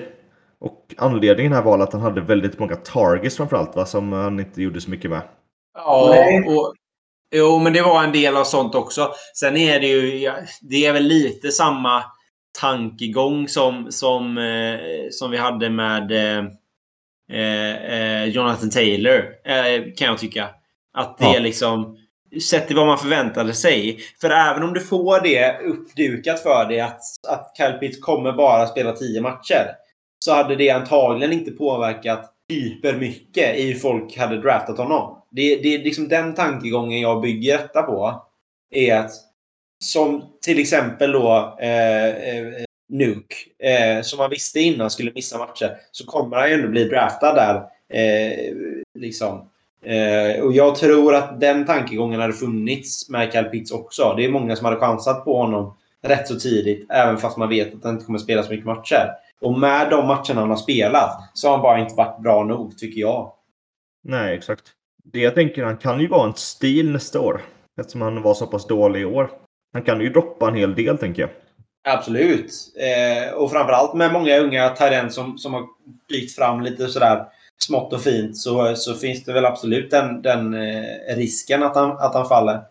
Mm. Och sen beror det väl också mycket på hur, hur Falcons väljer att göra i off-season. Vad de hittar på. Eh, precis, om Ridder duger liksom. Ja. Eller, ja, precis. Och liksom vad man plockar upp för vapen runt omkring och hjälper till. Och, eh, vi diskuterade lite innan när vi pratade om Kyle Pitts också att de sätter ju liksom halva defenset på Kyle Pitts för att det finns inte så mycket annat att hitta. Eh, mm. Så där behöver det också ske någon, någon typ av förändring. Antingen hos Kyle Pitts eller eh, runt omkring liksom Falcons offense. För att det ska släppa, tror jag. Eh, det är ju de två lösningarna. Antingen så blir Kyle Pitts bättre i double triple coverage. Eh, eller så, så hittar Falcons vapen eh, att, att liksom hjälpa till. Ja, precis. Mycket hänger på om Drake London tar ett extra kliv också nästa år. Ja, och det är ju väldigt, väldigt rimligt. Men det är ju kanske inte den wide receiver man tänker sig ska plocka på sig double coverage, tänker jag. Eh, så som jag ser det i alla fall. Eh, men ja, absolut. Men det, det, behöver ju ske någon typ av förändring. Det är ju rätt så uppenbart. Ja. Sen behöver man ju hålla sig frisk också. Det ju, säger ju sig själv. Jo, exakt. Ja. Ja, är vi klara med Tidens? Ja, det känns så. Då ska vi kolla på Defense och Special Teams.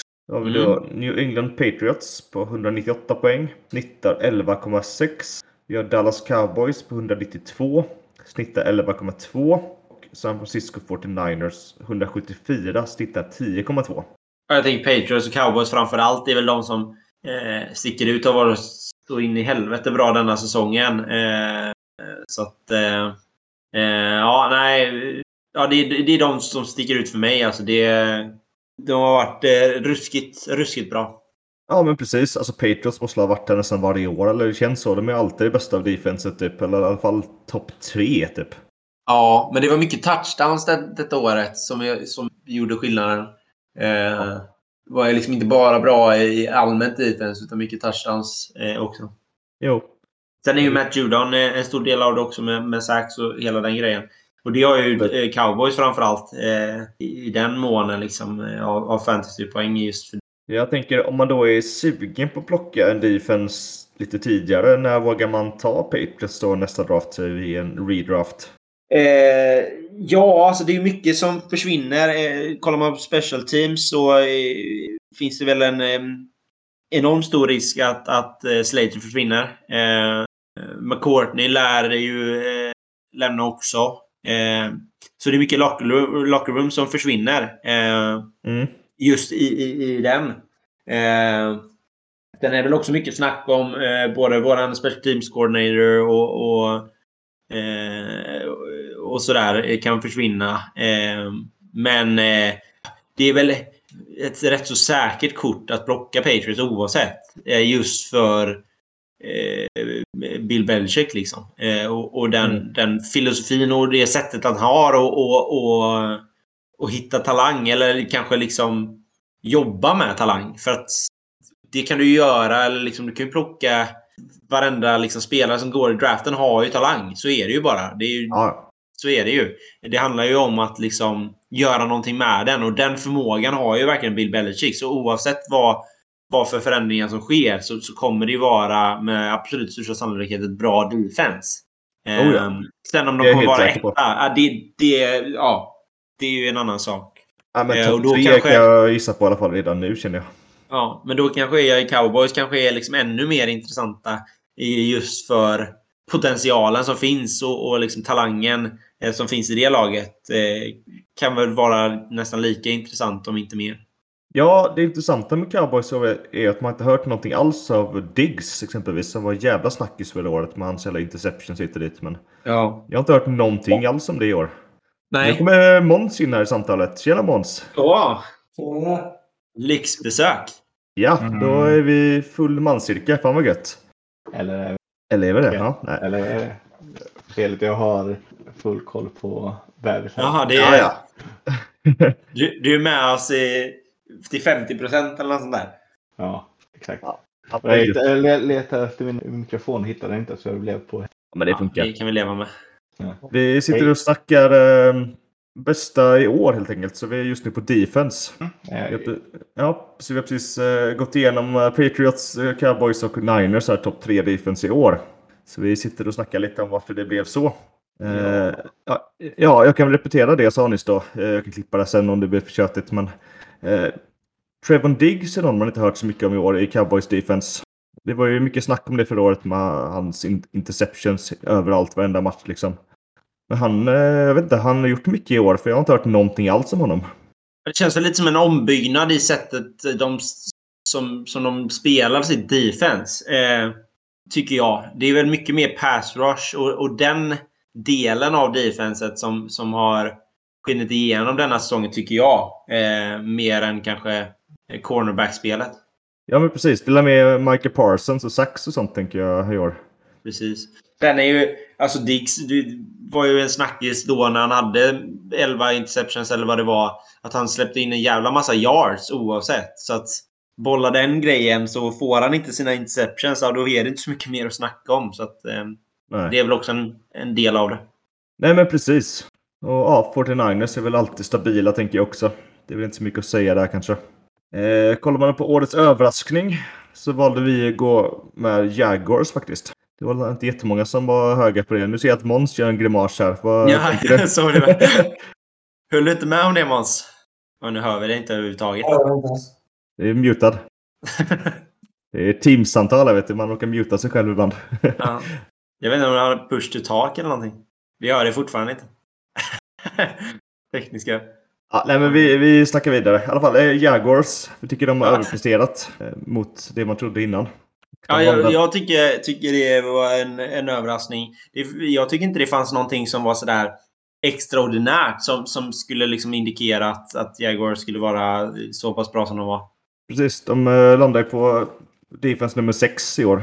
Mm. Ja. Och visserligen då tog in en jävligt bra D-line i draften. Och så, men eh, ja. Kollar man då istället på årets flopp. Den var vi nog alla överens om och det var ju Rams. Jo. Eh, Även om då Donald har missat några matcher så det finns för mycket där med Ramsey och Wagner och allt möjligt som ändå ska funka helt okej. Ja, det nästan som de la in mer liksom, krut i defense den här säsongen och fick ut ännu mindre av det. Sen är det klart att offenset påverkar det här jättemycket också.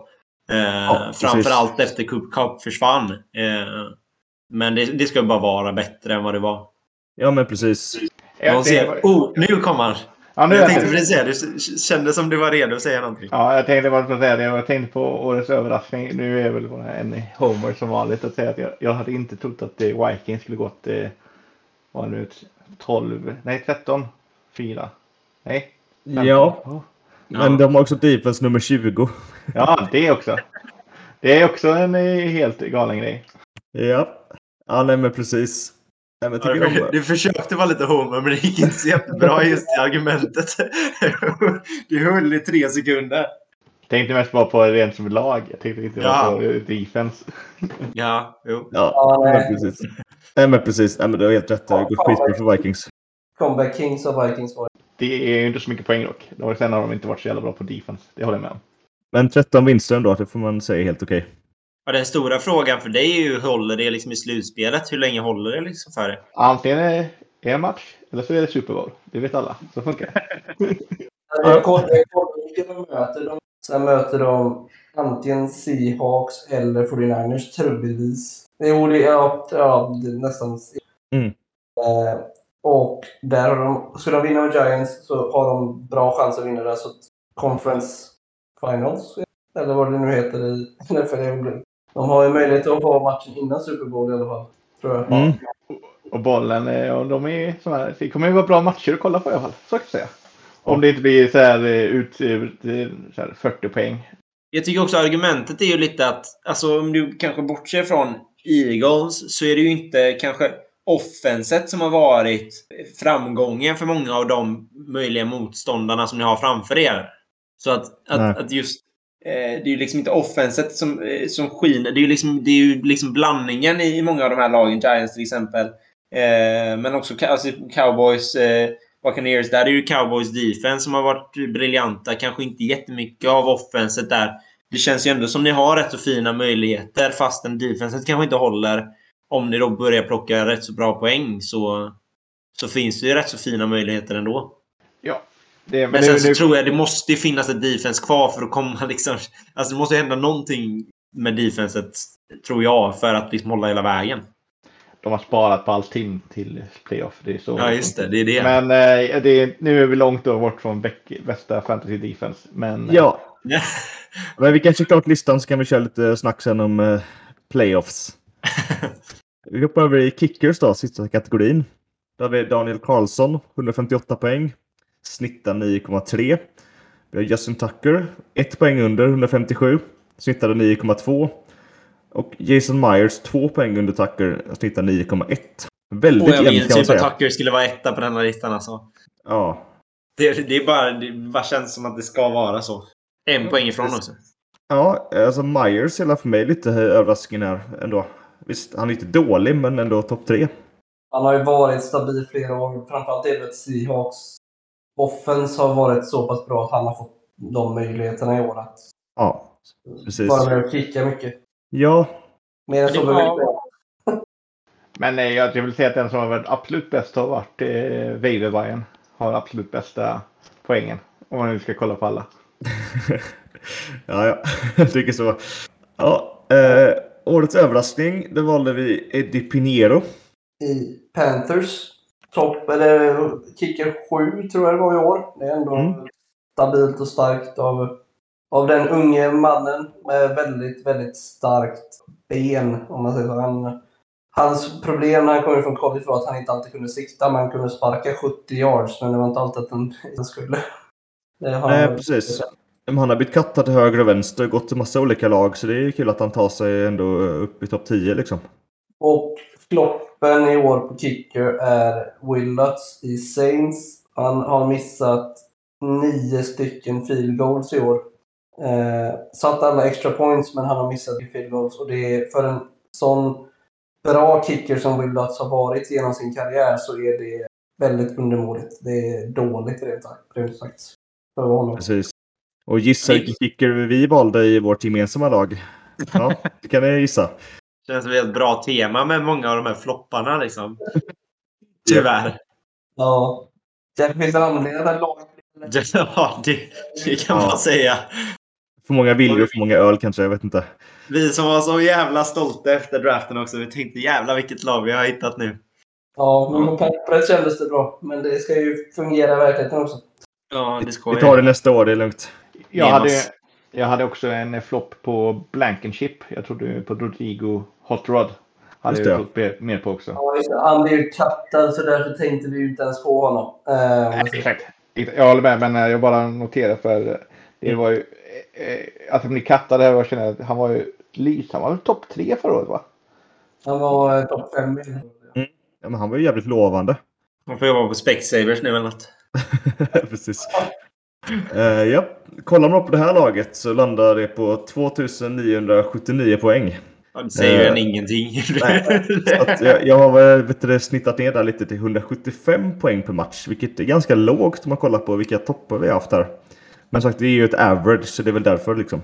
Ja, men att snitta 175 poäng per match känns väl ändå... Ja, men vi har haft liksom fan 250 vissa veckor känns som typ. Så det har varit helt magiska siffror ibland typ. Ja, absolut. Men att om du går igenom en hel säsong och du snittar 175 poäng per match, då, då torskar du inte många matcher per säsong. Ja, du torskar typ inga matcher. Men, Nej, ja. det är väl om det är den 250-poängsmatchen mot dig då, kanske. Ja, ja, skulle det vara det. Men det känns ju konstigt att kunna ha 250 matcher emot dig om du har det här laget.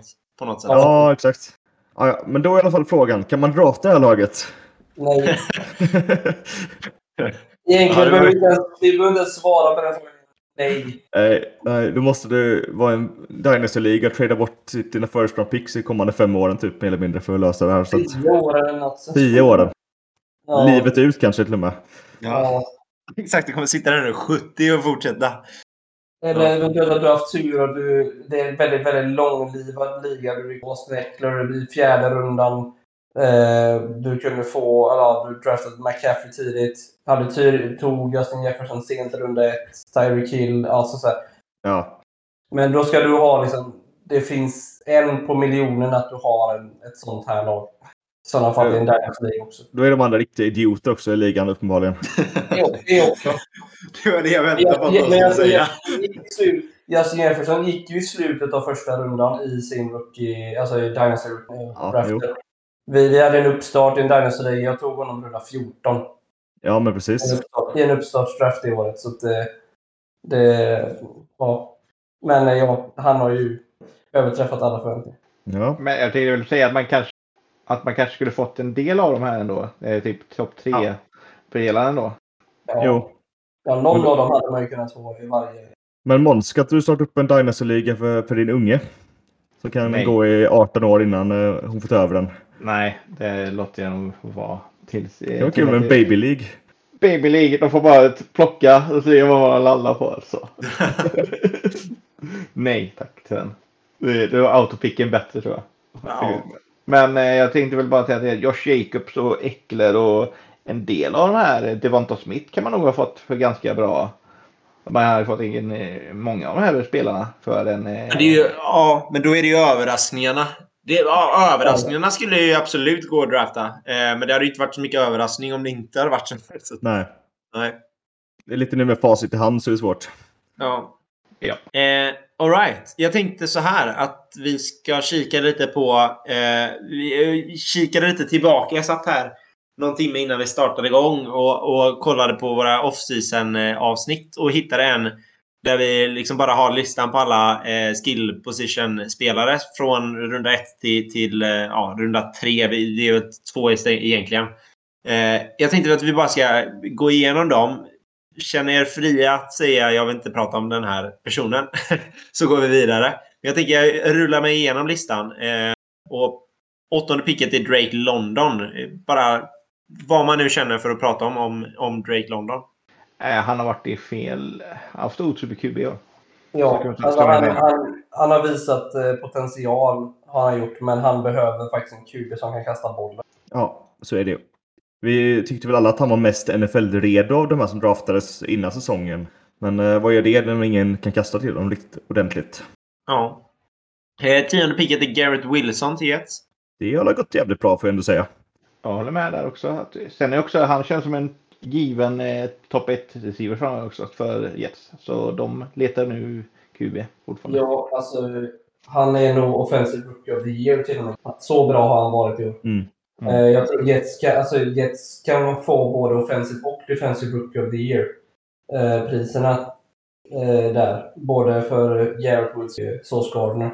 De, eh, deras första, första runda som de har draftat har var, var väldigt, väldigt stark. Så, nej, men Garrett Smith- Wilson har varit eh, magisk rent ut sagt. Sen säga att de, och sen hade de ganska länge, Quinnen Williams hade ju väl nästan också Defensive Player of the Year.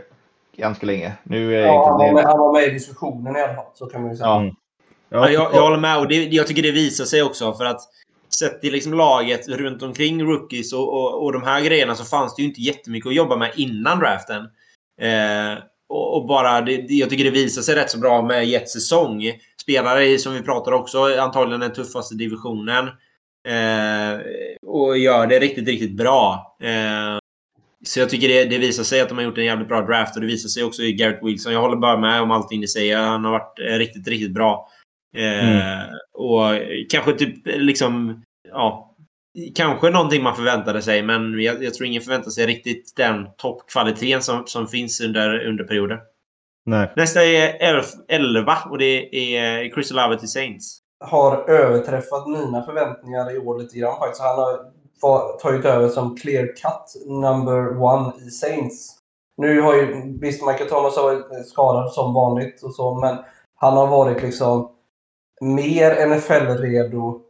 Alltså jag trodde han var en... Han och Drake London var de två jag dividerade vem som var mest NFL-redo. Men Olave har ju visat att han verkligen var NFL-redo. Han har ju varit dominant. Ett mediokert, minst sagt, mediokert Saints. Ja. Någonting med Ohio State wide receivers tydligen då. Marvin Harrison Jr. Jävlar.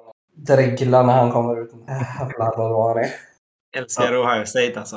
Ah, ja, i alla fall. Eh, nästa spelare är eh, Jameson Williams i Lions.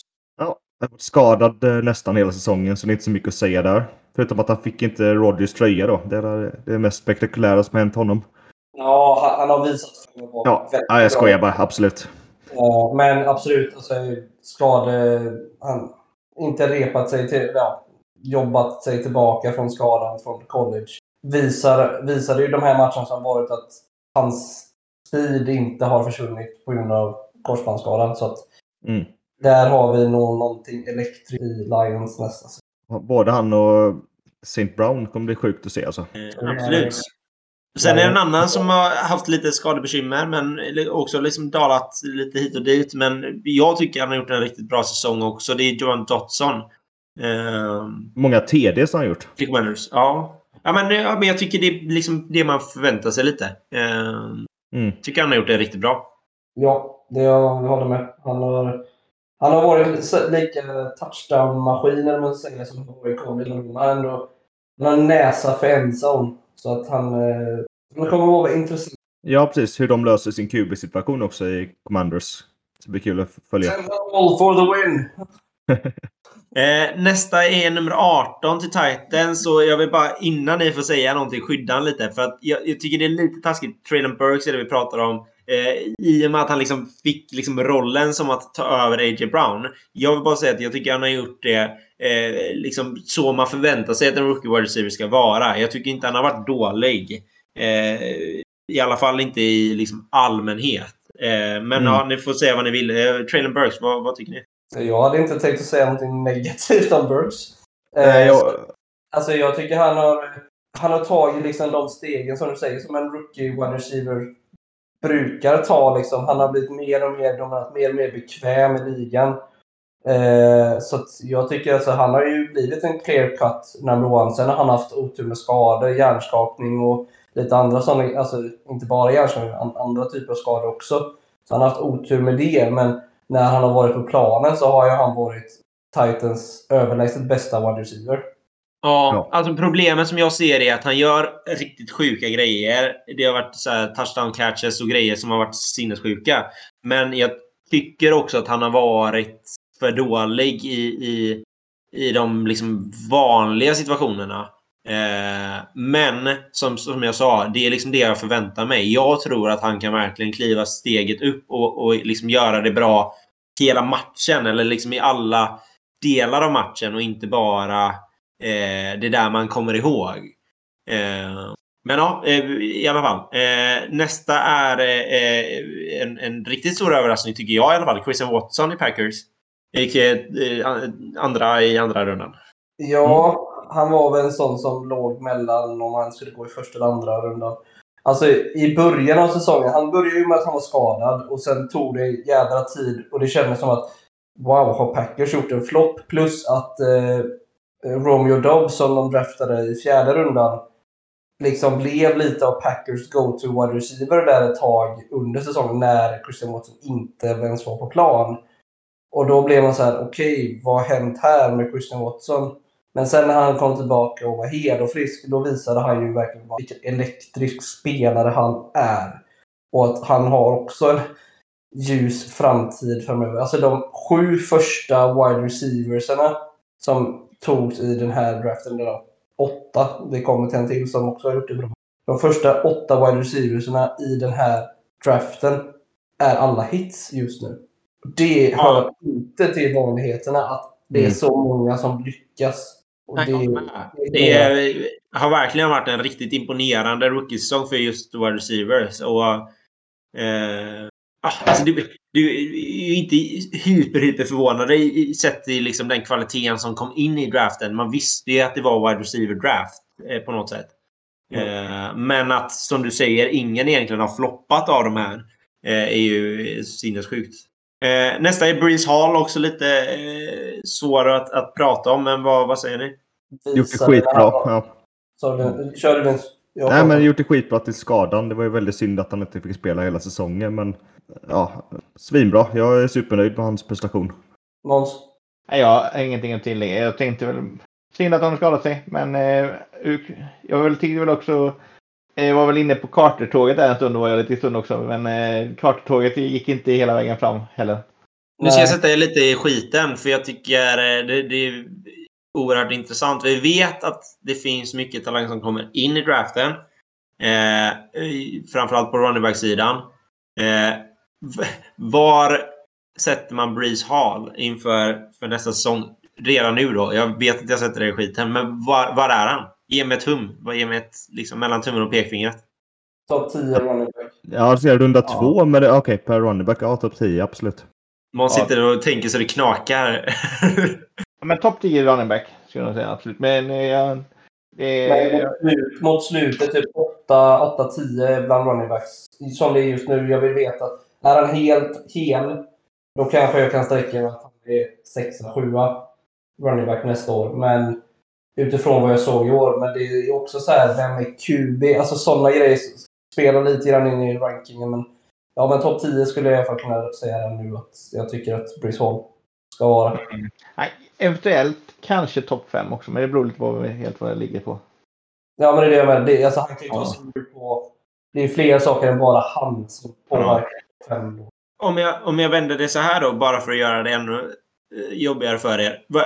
Har han, som ni ser det nu, potentialen att vara den bästa running backen nästa säsong? Ja. Nej, Ja, inte konservärden. Eckler, lägg av. Alltså, i PPR, nej. Kanske... Nej, jag vet inte. Nej, det känns som att det, så bra är han inte.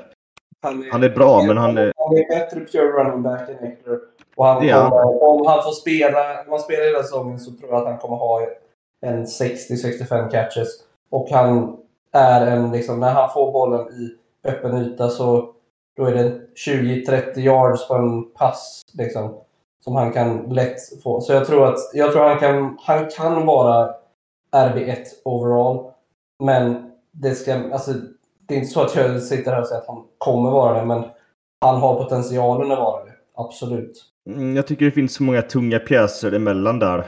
Som ändå har mycket att ge. Ja, alltså det är, för mig är det att de tunga pjäserna börjar bli gamla. Ja, det Och är jag- precis av den anledningen jag ställer frågan. Jag vet inte hur länge de kommer hålla. Det är därför, Precis. jag, det är därför jag säger att Bruce Hall har stora möjligheter att vara RB1. Men jag tror att favoriten till att vara RB1 är Christian McCaffrey. Ja, Alltså, men kanske om två, tre år kan sträcka mig. Då är han ändå kanske Och det- framöver. RB1. Grejen är också så som jag ser det är att om vi bortser från dem som, som har, har varit där. Christian McCaffrey har varit där. Dalvin Cook har varit där. Alla de här spelarna. Saquon Barkley har varit där uppe i toppen. Om vi bortser från de här spelarna. Henry är ju såklart med på de här listorna. Eckler. Vem är det som ska ta nästa klivet upp? Och där, där ser jag det. Om man bort, alltså liksom tänker att de som kommer in i draften detta året tror inte jag kommer vara liksom nummer ett. Det, det tar tid. Och då är det inte jätte, jättemånga alternativ som jag ser där ute som kan vara den. Eh, och det är därför jag ser att Breeze Hall har den möjligheten. För att om de här som ligger på ungefär samma ålder går ner sig lite så är det ju inte jätte, jättemycket alternativ där ute som vem som ska ta över och vem som ska vara nästa liksom, top Mm. Men om säger så här då, Är han så mycket bättre än Kenneth Walker exempelvis? Han har Jag jag tycker det. Framförallt har han, han sketchen eh, Walker. Ja, Walker är i alla fall nästa person vi ska Ja. eh, prata om. Gick nionde Snyggt i rundan. Snygg segway. Snyggt. Snyggt. Eh, Jag skulle säga att jag tänkte Ken Walker kan absolut vara topp top 10 också i min Ja, lista på, till nästa år. Absolut, men jag ser inte att han kan vara nummer ett. Nej, det Så som jag ser med Breeze Hall. inte, inte, inte i år. Eh, Men han kan absolut bli topp 1. Ja, absolut. Men, men, eh, ja, men precis. Han kommer inte, han kommer inte draftas nummer ett av mig. Nej, nej, nej. Och jag, jag, jag, jag, jag, har, jag tycker det finns begränsningar i hans... Alltså i, i förhållande till Brice. Brice Hall är väldigt, har väldigt mjuka händer. Alltså han är väldigt naturlig, eh, fånga bollen. Kenneth Walker kan fånga bollen, men det känns inte lika naturligt och lätt för honom att göra det. Så därför ser jag inte att han skulle kunna ha nästan 60 receptions på en säsong. Och det gör att jag tror att han är begränsad. Sen har han en snabbhet som jag tror är... Alltså jag tror han är snabbare än Breeze Hall. Gör att han kan få mer långa runs. Eh, typ som han har haft några 60 yard runs i år. Liksom. Eh, så det tror jag kan vara till hans fördel. Men jag tror inte att han kan vara number, alltså RB1 overall. Såvida det inte är skador på andra running backs. Mm. Ja, nästa är Wandale Robinson, 11 i andra rundan. Eh, går till Giants. Eh, har ju också varit oerhört skadebenägen, men eh, där finns det väl också lite toppar eh, som man kan eh, njuta av. I alla fall som Giants-supporter. Eller vad säger du? Ja. Ja, absolut. Han gick ändå ganska långt ner i draften, i alla fall vad jag kommer ihåg. Ja, han, han var... Jag tror väl lite grann att han blev tvingad in i rollen för att Sterling Shepard gick ner så snabbt. Så att han fick ju ta över den rollen väldigt fort. Ja, Men han är ju en slot receiver och han har ju verkligen visat att han, han klarar av det. Sen är, har han ju haft otur som du säger, Kristoffer, med skador. Först hade han väl någon liten eh, hand, eller hade han en hamstringskada och sedan korsband. Så han har haft två skador den här säsongen, men när han har spelat har han ju varit riktigt bra för Giants. mm. Eh, nästa spelare är John Mechie. Jag har inte spelat eh, en enda snap. Eh, Så den hoppar vi över. Men eh, Tyquan Thornton i Patriots. Vi satt och pratade lite om det. Han går eh, 18. Eh, jag tycker jag ser väldigt mycket potential senaste matcherna. Eh, eh, och, och tycker att det är en jätteintressant spelare. Eh, men det, det kommer behövas, man kommer behöva se mycket mer. Eh, Ja. För han var inte involverad i början. Eh, det är nu de har börjat liksom leta lite. ja han är ju en gammal no-name big game också. Från ett avsnitt. Just det. Ja, jag vill bara slänga in eh, dels det här med Thornton. Jag, jag ser potential, det har jag också gjort. Eh, sen vill jag bara slänga in att eh, det är skönt att höra John Mechie är på bättringsvägen. Han har ju haft cancer. Men eh, det är därför han inte har spelat i år. Men att han ska tydligen, eller han ska vara så att han ska spela nästa år. Mm, det ska bli jävligt kul att se faktiskt. Och kanske det Texans behöver också. Mm. Eh, George Pickens gick 20 eh, och här har det varit rätt mycket snackisar eh, om, om liksom framtiden, eh, för, så här, drömmen för kommentatorerna mellan, mellan quarterback och wide receiver.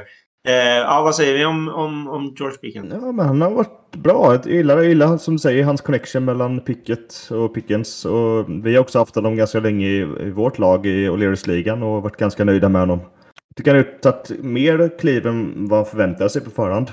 Jag håller med, Ja. men det kommer behövas mer. Eh, men eh, har väl egentligen alla förutsättningar för att kunna bli bra. Men jag, Mm. in, jag kanske inte har sett det där wow-faktorn på samma sätt som jag kanske har sett med, med många andra av de här wide receiverna. Eh, det är väl kanske den, den liksom dimensionen som jag hade saknat. Men tillräckligt mycket för att fucka med Deontay Johnson i alla fall. Har han gjort. Nej, men, men Nej, jag skojar. Pick- Pickens har har ju haft riktigt alltså, sjuka catches i år som man liksom... Eh, Pickett, Pickens har ju också gjort att Steelers tradade bort eh, Chase Claypool till Bears för eh, ja, 32nd overall pick. Världens Mm. sämsta trade av Bears, men det, det är en annan eh, Men jag tycker alltså man ser verkligen att han kommer vara en alpha wide receiver. Jag ser jag ser väldigt mycket T. Higgins i honom. Alltså så här, jag ser inte att han kommer kanske vara Jamar, alltså Jamar Chase, den typen av alfa. Utan, för jag tycker Bengals har en A, ett, ett A, ett AB. Alltså Higgins skulle vara etta i väldigt många andra NFL-lag. Eh, och det gör att jag ser liksom, ja, det är så jag ser Pickens. Eh, att han eh, är, kommer vara liksom en dominant wide receiver framöver. Men det hänger också ihop med Pickets eh, utveckling på QB. Jag vill också klargöra att när jag menar wow-faktor så menar jag såklart inte spektakulära catches, för det har vi ju Nej, det har vi fått se. Eh, bara för att inte det sitter någon där ute som tror att jag är dum i huvudet. Ja, två Eh. one-hand catches gjorde han ändå, va? Var det inte det? Vad sa du? Två stycken one-hand catches tror jag han gjorde, va? Ja, det var ju Ja. sådär riktigt sinnessjuka. Eh, Det var inte fel sak. Nej, men det, var, det kanske inte var rätt, rätt eh, ja, beskrivning Jag fattar, vad du menar med wow. Alltså, han, har inte, Ja. han har inte blåst, eh, blåst det ur, ja, ur fötter, eller så här, fått det på pullen och så här. Han har inte varit så att han, man bara Wow, vilken talang! Så. Utan det är han, har, han har haft sina, sina liksom highlights. Men, Exakt. men det är inte så att man liksom sitter hela tiden helt spänd. Vad kommer han göra nu? Det har ju Ja. mer typ Wilson, alltså Garrett Wilson, att han alltid har liksom hittat luckor och sånt. Det är ju mer, han är mer så. Men precis. Ja, men det, är det, jag- det är det jag lite tänker på. Eh, eh, Alex Pierce är nästa. Eh, någon skada här och där, men vad, vad säger vi här?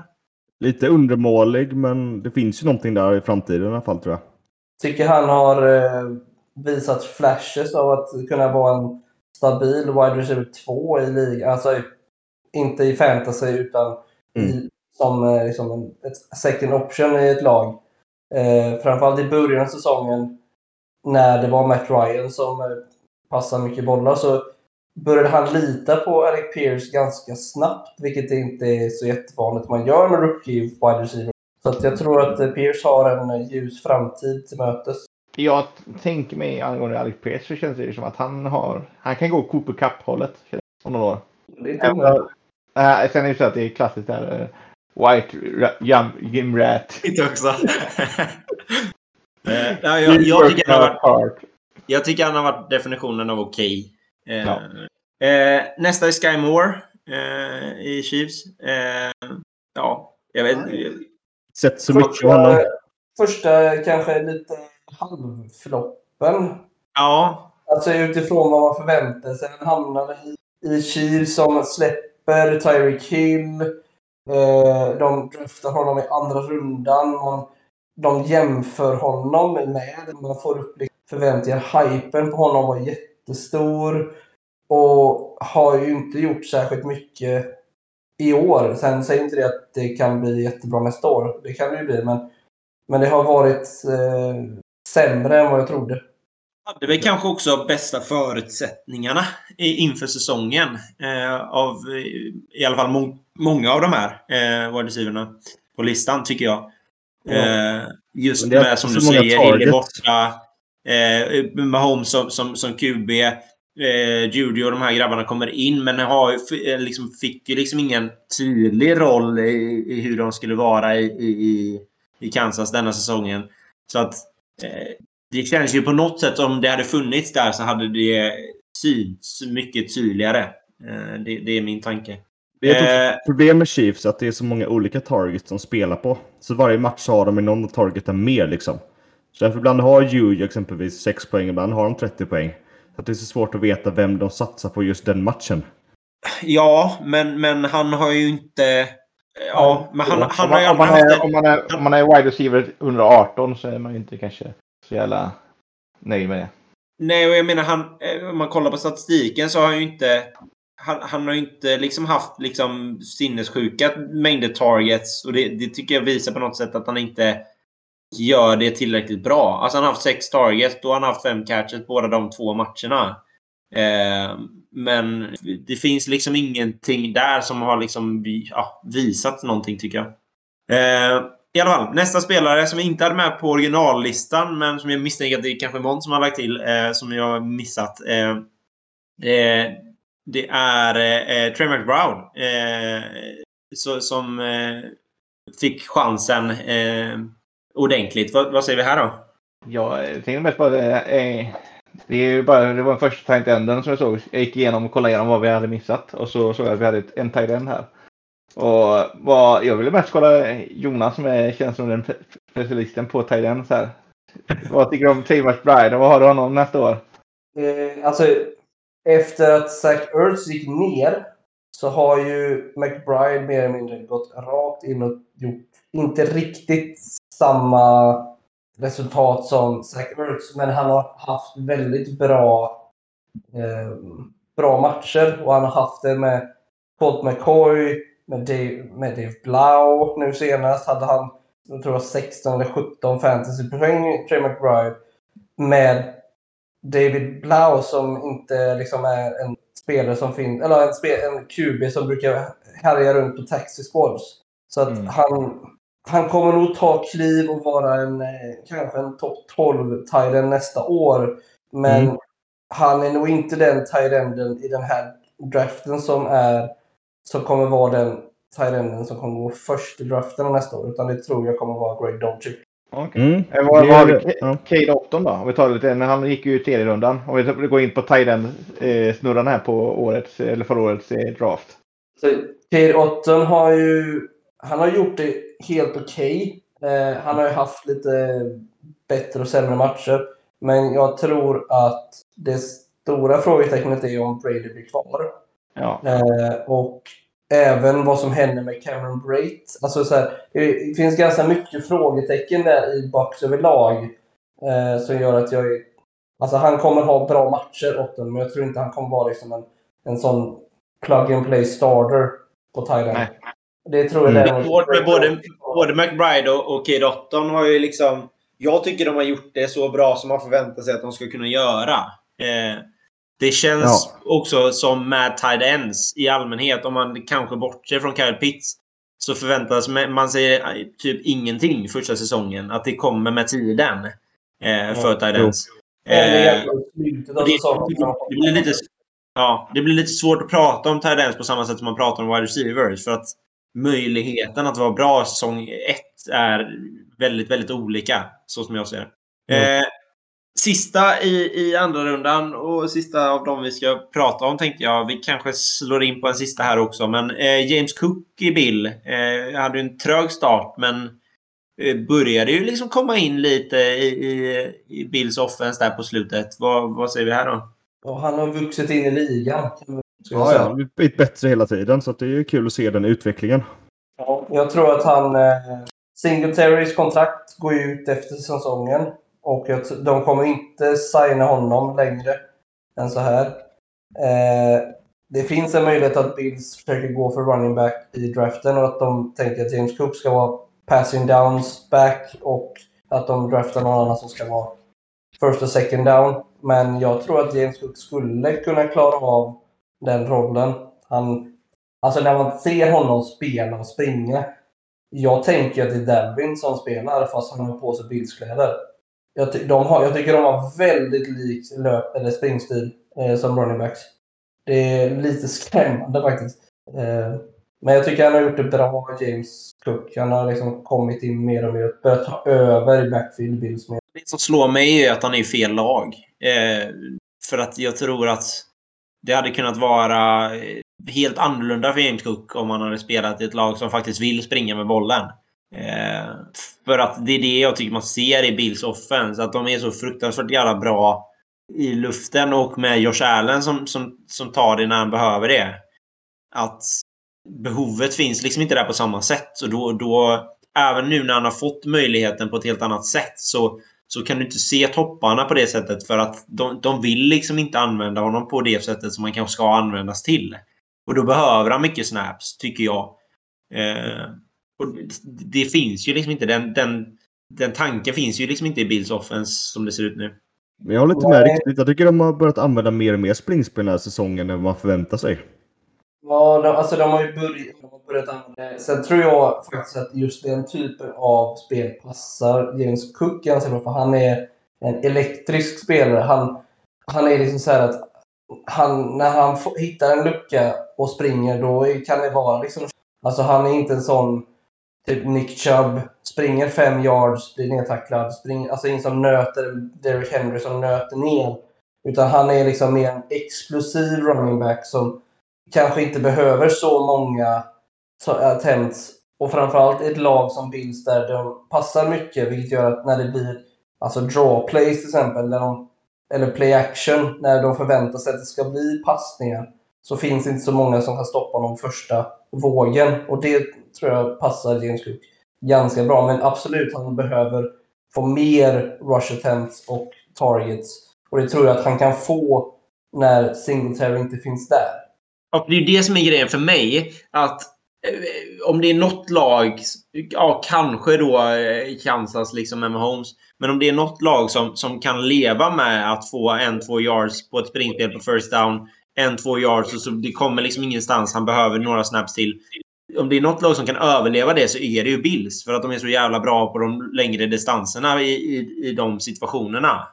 Så att jag tycker det finns en möjlighet för honom, men de använder honom ju liksom inte på det sättet. Och, och där tror jag, det, det är kanske lite där skon klämmer för, för mig just om... om eh, Alright, eh, vi har gått igenom de spelarna som jag hade på listan från runda 1 till 2.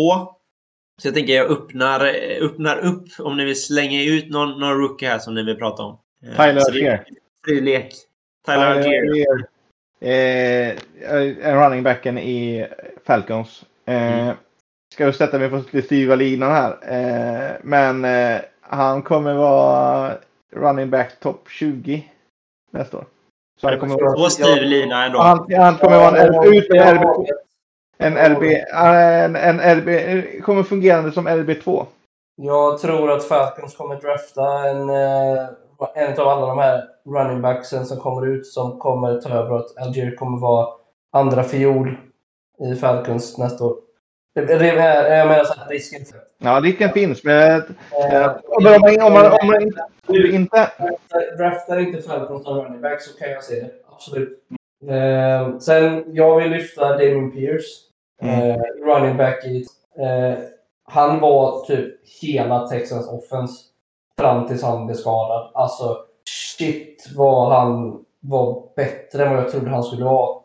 Eh, fram till sin skada. Alltså han, han överträffade mina förväntningar och jag hade ganska höga förväntningar på honom. Att han skulle vara liksom en, en topp 20 running back. Och i, i ett Texans som inte springer, som inte borde springa med bollen för att de borde ligga under varenda match så gjorde han det väldigt bra. Eh, sen finns det en risk att han och Algier, de kan båda två vara one and done. Alltså att de tar in nya running backs till laget som de fortsätter, eller bygger på för, läng längre fram för att det är så bra running back-klass i år. Men ja, nej men eh, både Algier och eh, Pierce har ju överraskat positivt i år, tycker jag, på running back. Ska vi ta, en, ska vi ta en sista, en, en tredje i den här ligan? Pasche, himself. Pacheco. Han har också överraskat det också. Han, vänta ska se, skulle vilja ha honom. Kan jag våga sätta honom ännu mer på styverinan att han också kommer att vara topp 20-lista till i RB. Men han känns ännu mer rimligt att han kanske Det är lite på. det som Kristoffer sa med Bills innan. Jag känner lite samma sak med Chiefs. Ja. Men det, de... det är ju samma situation som jag sa också. De har ju råd att springa med bollen. Så ja, det har... Jo, absolut. Med, med, och Alltså man får ju inte glömma, även om han har varit, inte varit så jävla bra, så eh, har de ju fortfarande Clyde edwards på samma sida med Pacheco. Eh, det kan också vara att de väljer att nej, men vi, nu, nu får vi sluta eh, latcha runt med running backs. Nu tar vi och draftar en, eh, kanske inte Bian, men de draftar en Jameer Gibbs eller de draftar en Zach eh, Charbonnet eller alltså de så här, som kan spela alla tre downs och som kan göra det jävligt bra. Eh, och bestämma att nej, men nu ska vi satsa på att få in en väldigt bra running back. Du kan också välja att typ, ta upp David Montgomery eller liknande i Free Agency. För att liksom få in någon som är liksom lite mer veteran, stabil running back som de vet klarar av alla tre downs. Men eh, är det kvar med Pacheco som RB1 tillsammans med Clyde så det kan vara intressant. Men jag tror att det kommer om stora rockader på running back-positionen i år på grund av att det kommer ut en del starka running backs i free agency och det är en stark running back-klass. Ja, jag vill komma tillbaka lite till Damon Pierce. Alltså, nu ska jag sätta mig på styva linan då kanske lite, men jag, nästan så att jag tycker att han var på samma nivå som, som Breeze Hall den här säsongen. Och det, det bara känns på magkänslan som att Texans kommer fucka upp hans karriär eh, och slänga den i papperskorgen. Eh, vilket jag tycker är så jävla synd. För att Damien, Damien Pierce tyckte jag var fantastiskt jävla bra när han spelade. Eh, och, och liksom gjorde grejer som man liksom inte... Alltså man hade inte förväntat sig av om de hade tagit in McCaffrey i det laget så hade han liksom varit på samma nivå. Det är typ så jag känner med Damien Pierce. Men det, det, känns bara som att Texans kommer fucka upp hans karriär. Det är därför jag har liksom svårt att se vad framtiden är där. Men eh, jag tyckte han var riktigt, riktigt jävla bra. Eh, det jag såg av honom. Eh, Alright. Eh, jag tänker så här. Eh, vi, vill vi ta upp någonting mer om eh, rookies? Nu har ni sista, sista chansen. Eh, bara, alltså, den rookien som vi inte har nämnt, eller vi nämnde honom när vi pratade om George Pickens. Eh, det är ju eh, Pickett i Steelers. Jag tycker han tog stora kliv, framförallt andra halvan av säsongen.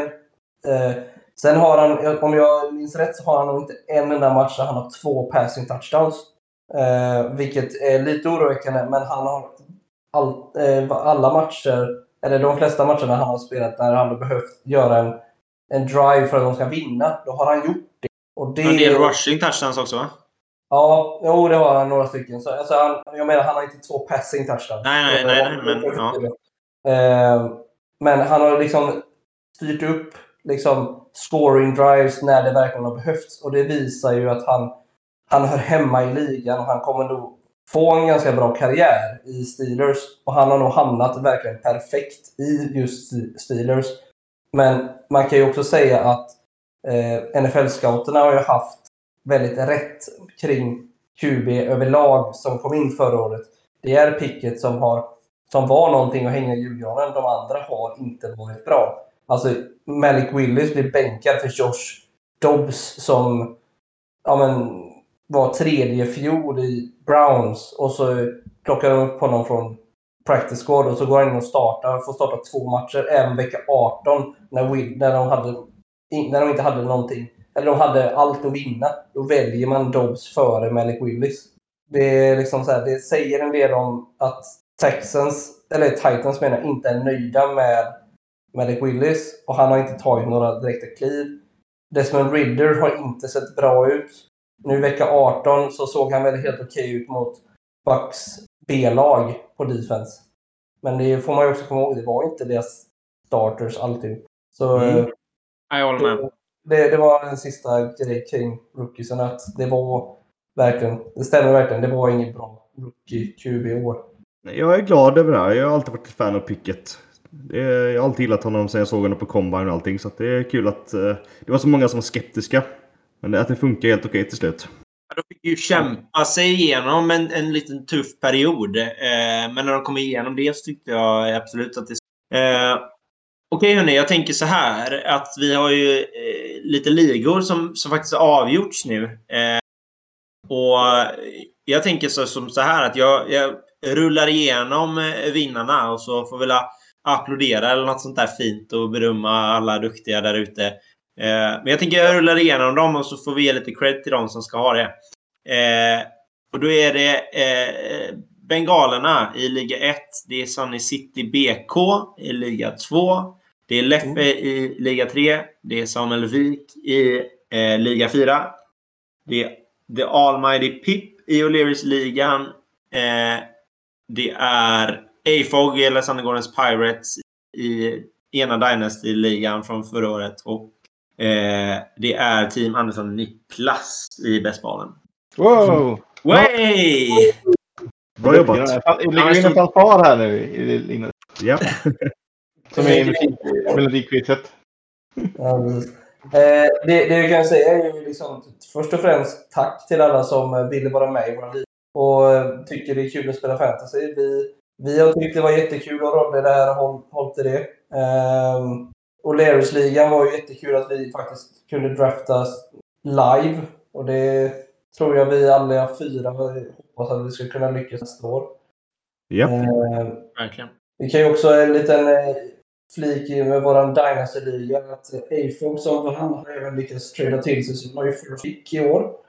Eh, så det kan bli en riktig... Eh, Dynasti. En riktig juggernaut framöver. Ja. Men, ja, nej, men det är kul. Och jag hoppas att eh, folk komma tillbaka och spela nu. Ja, vi kommer komma ut med mer info om den här superligan som vi har nämnt då senare. Det, allting är inte bestämt nu.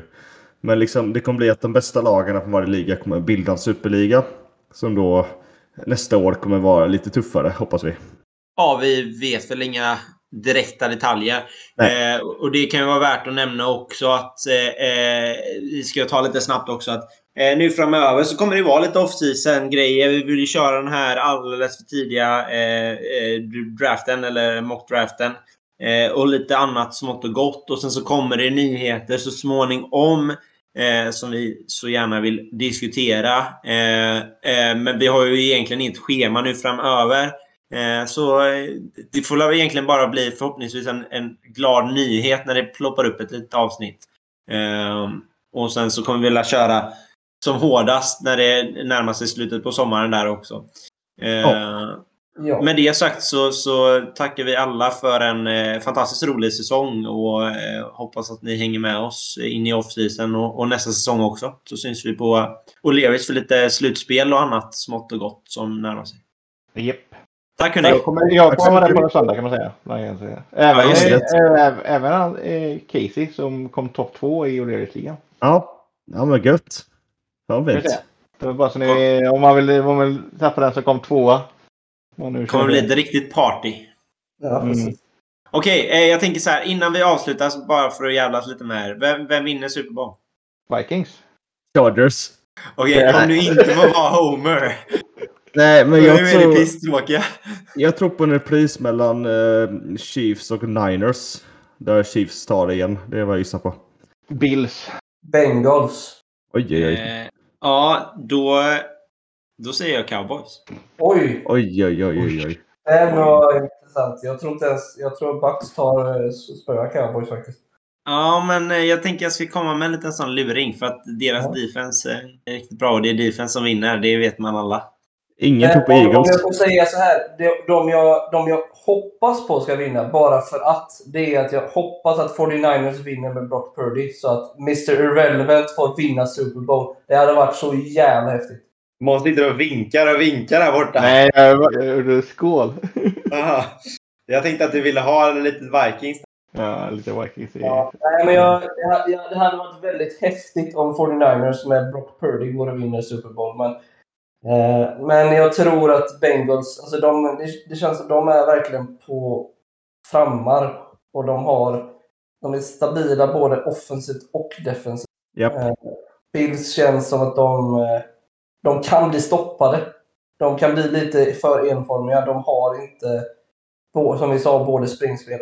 Alltså de har inte både och. Chiefs, absolut, men jag tycker inte deras defense är tillräckligt bra. Det är de aldrig dock. Nej, jag vet, men... Eh, jag, Nej, jag tror att det, och, och Bengals har, eh, sen Joe Burrow tog över, så har Bengals vunnit alla matchups mot Chiefs. Men jag tänker att både Bills och Bengals har någonting att verkligen få- ta, ta sina lag kring. Liksom med efter Hamlin-grejen också. Så att det, de har någonting att verkligen ha någonting i att spela för känns det som. Enas De hittar, liksom. hittar varandra väldigt mycket så att det känns som att de kan vara väldigt svåra båda två där. Så Jo, det blir tufft att möta dem. Två inspirerade lag helt enkelt. ja. Men eh, det känns spontant som att EFC är den starkare divisionen än NFC i år. Ja, det kan jag hålla med om i och för sig. Men vänta nu när Cowboys kommer. Jag tror inte riktigt på dem, men det är, det, det, det är magkänslan alltså. De är fan mig lite underskattade alltså. Ja, de har bra defense. De har så glidit igenom hela säsongen och så man liksom inte tänkt på dem och så kommer de där. Så. Så, så. All right, hörni. Eh, tack för denna gången så, så hörs och syns. Det gör vi. Ja, det har det. Hej. Hej, hej.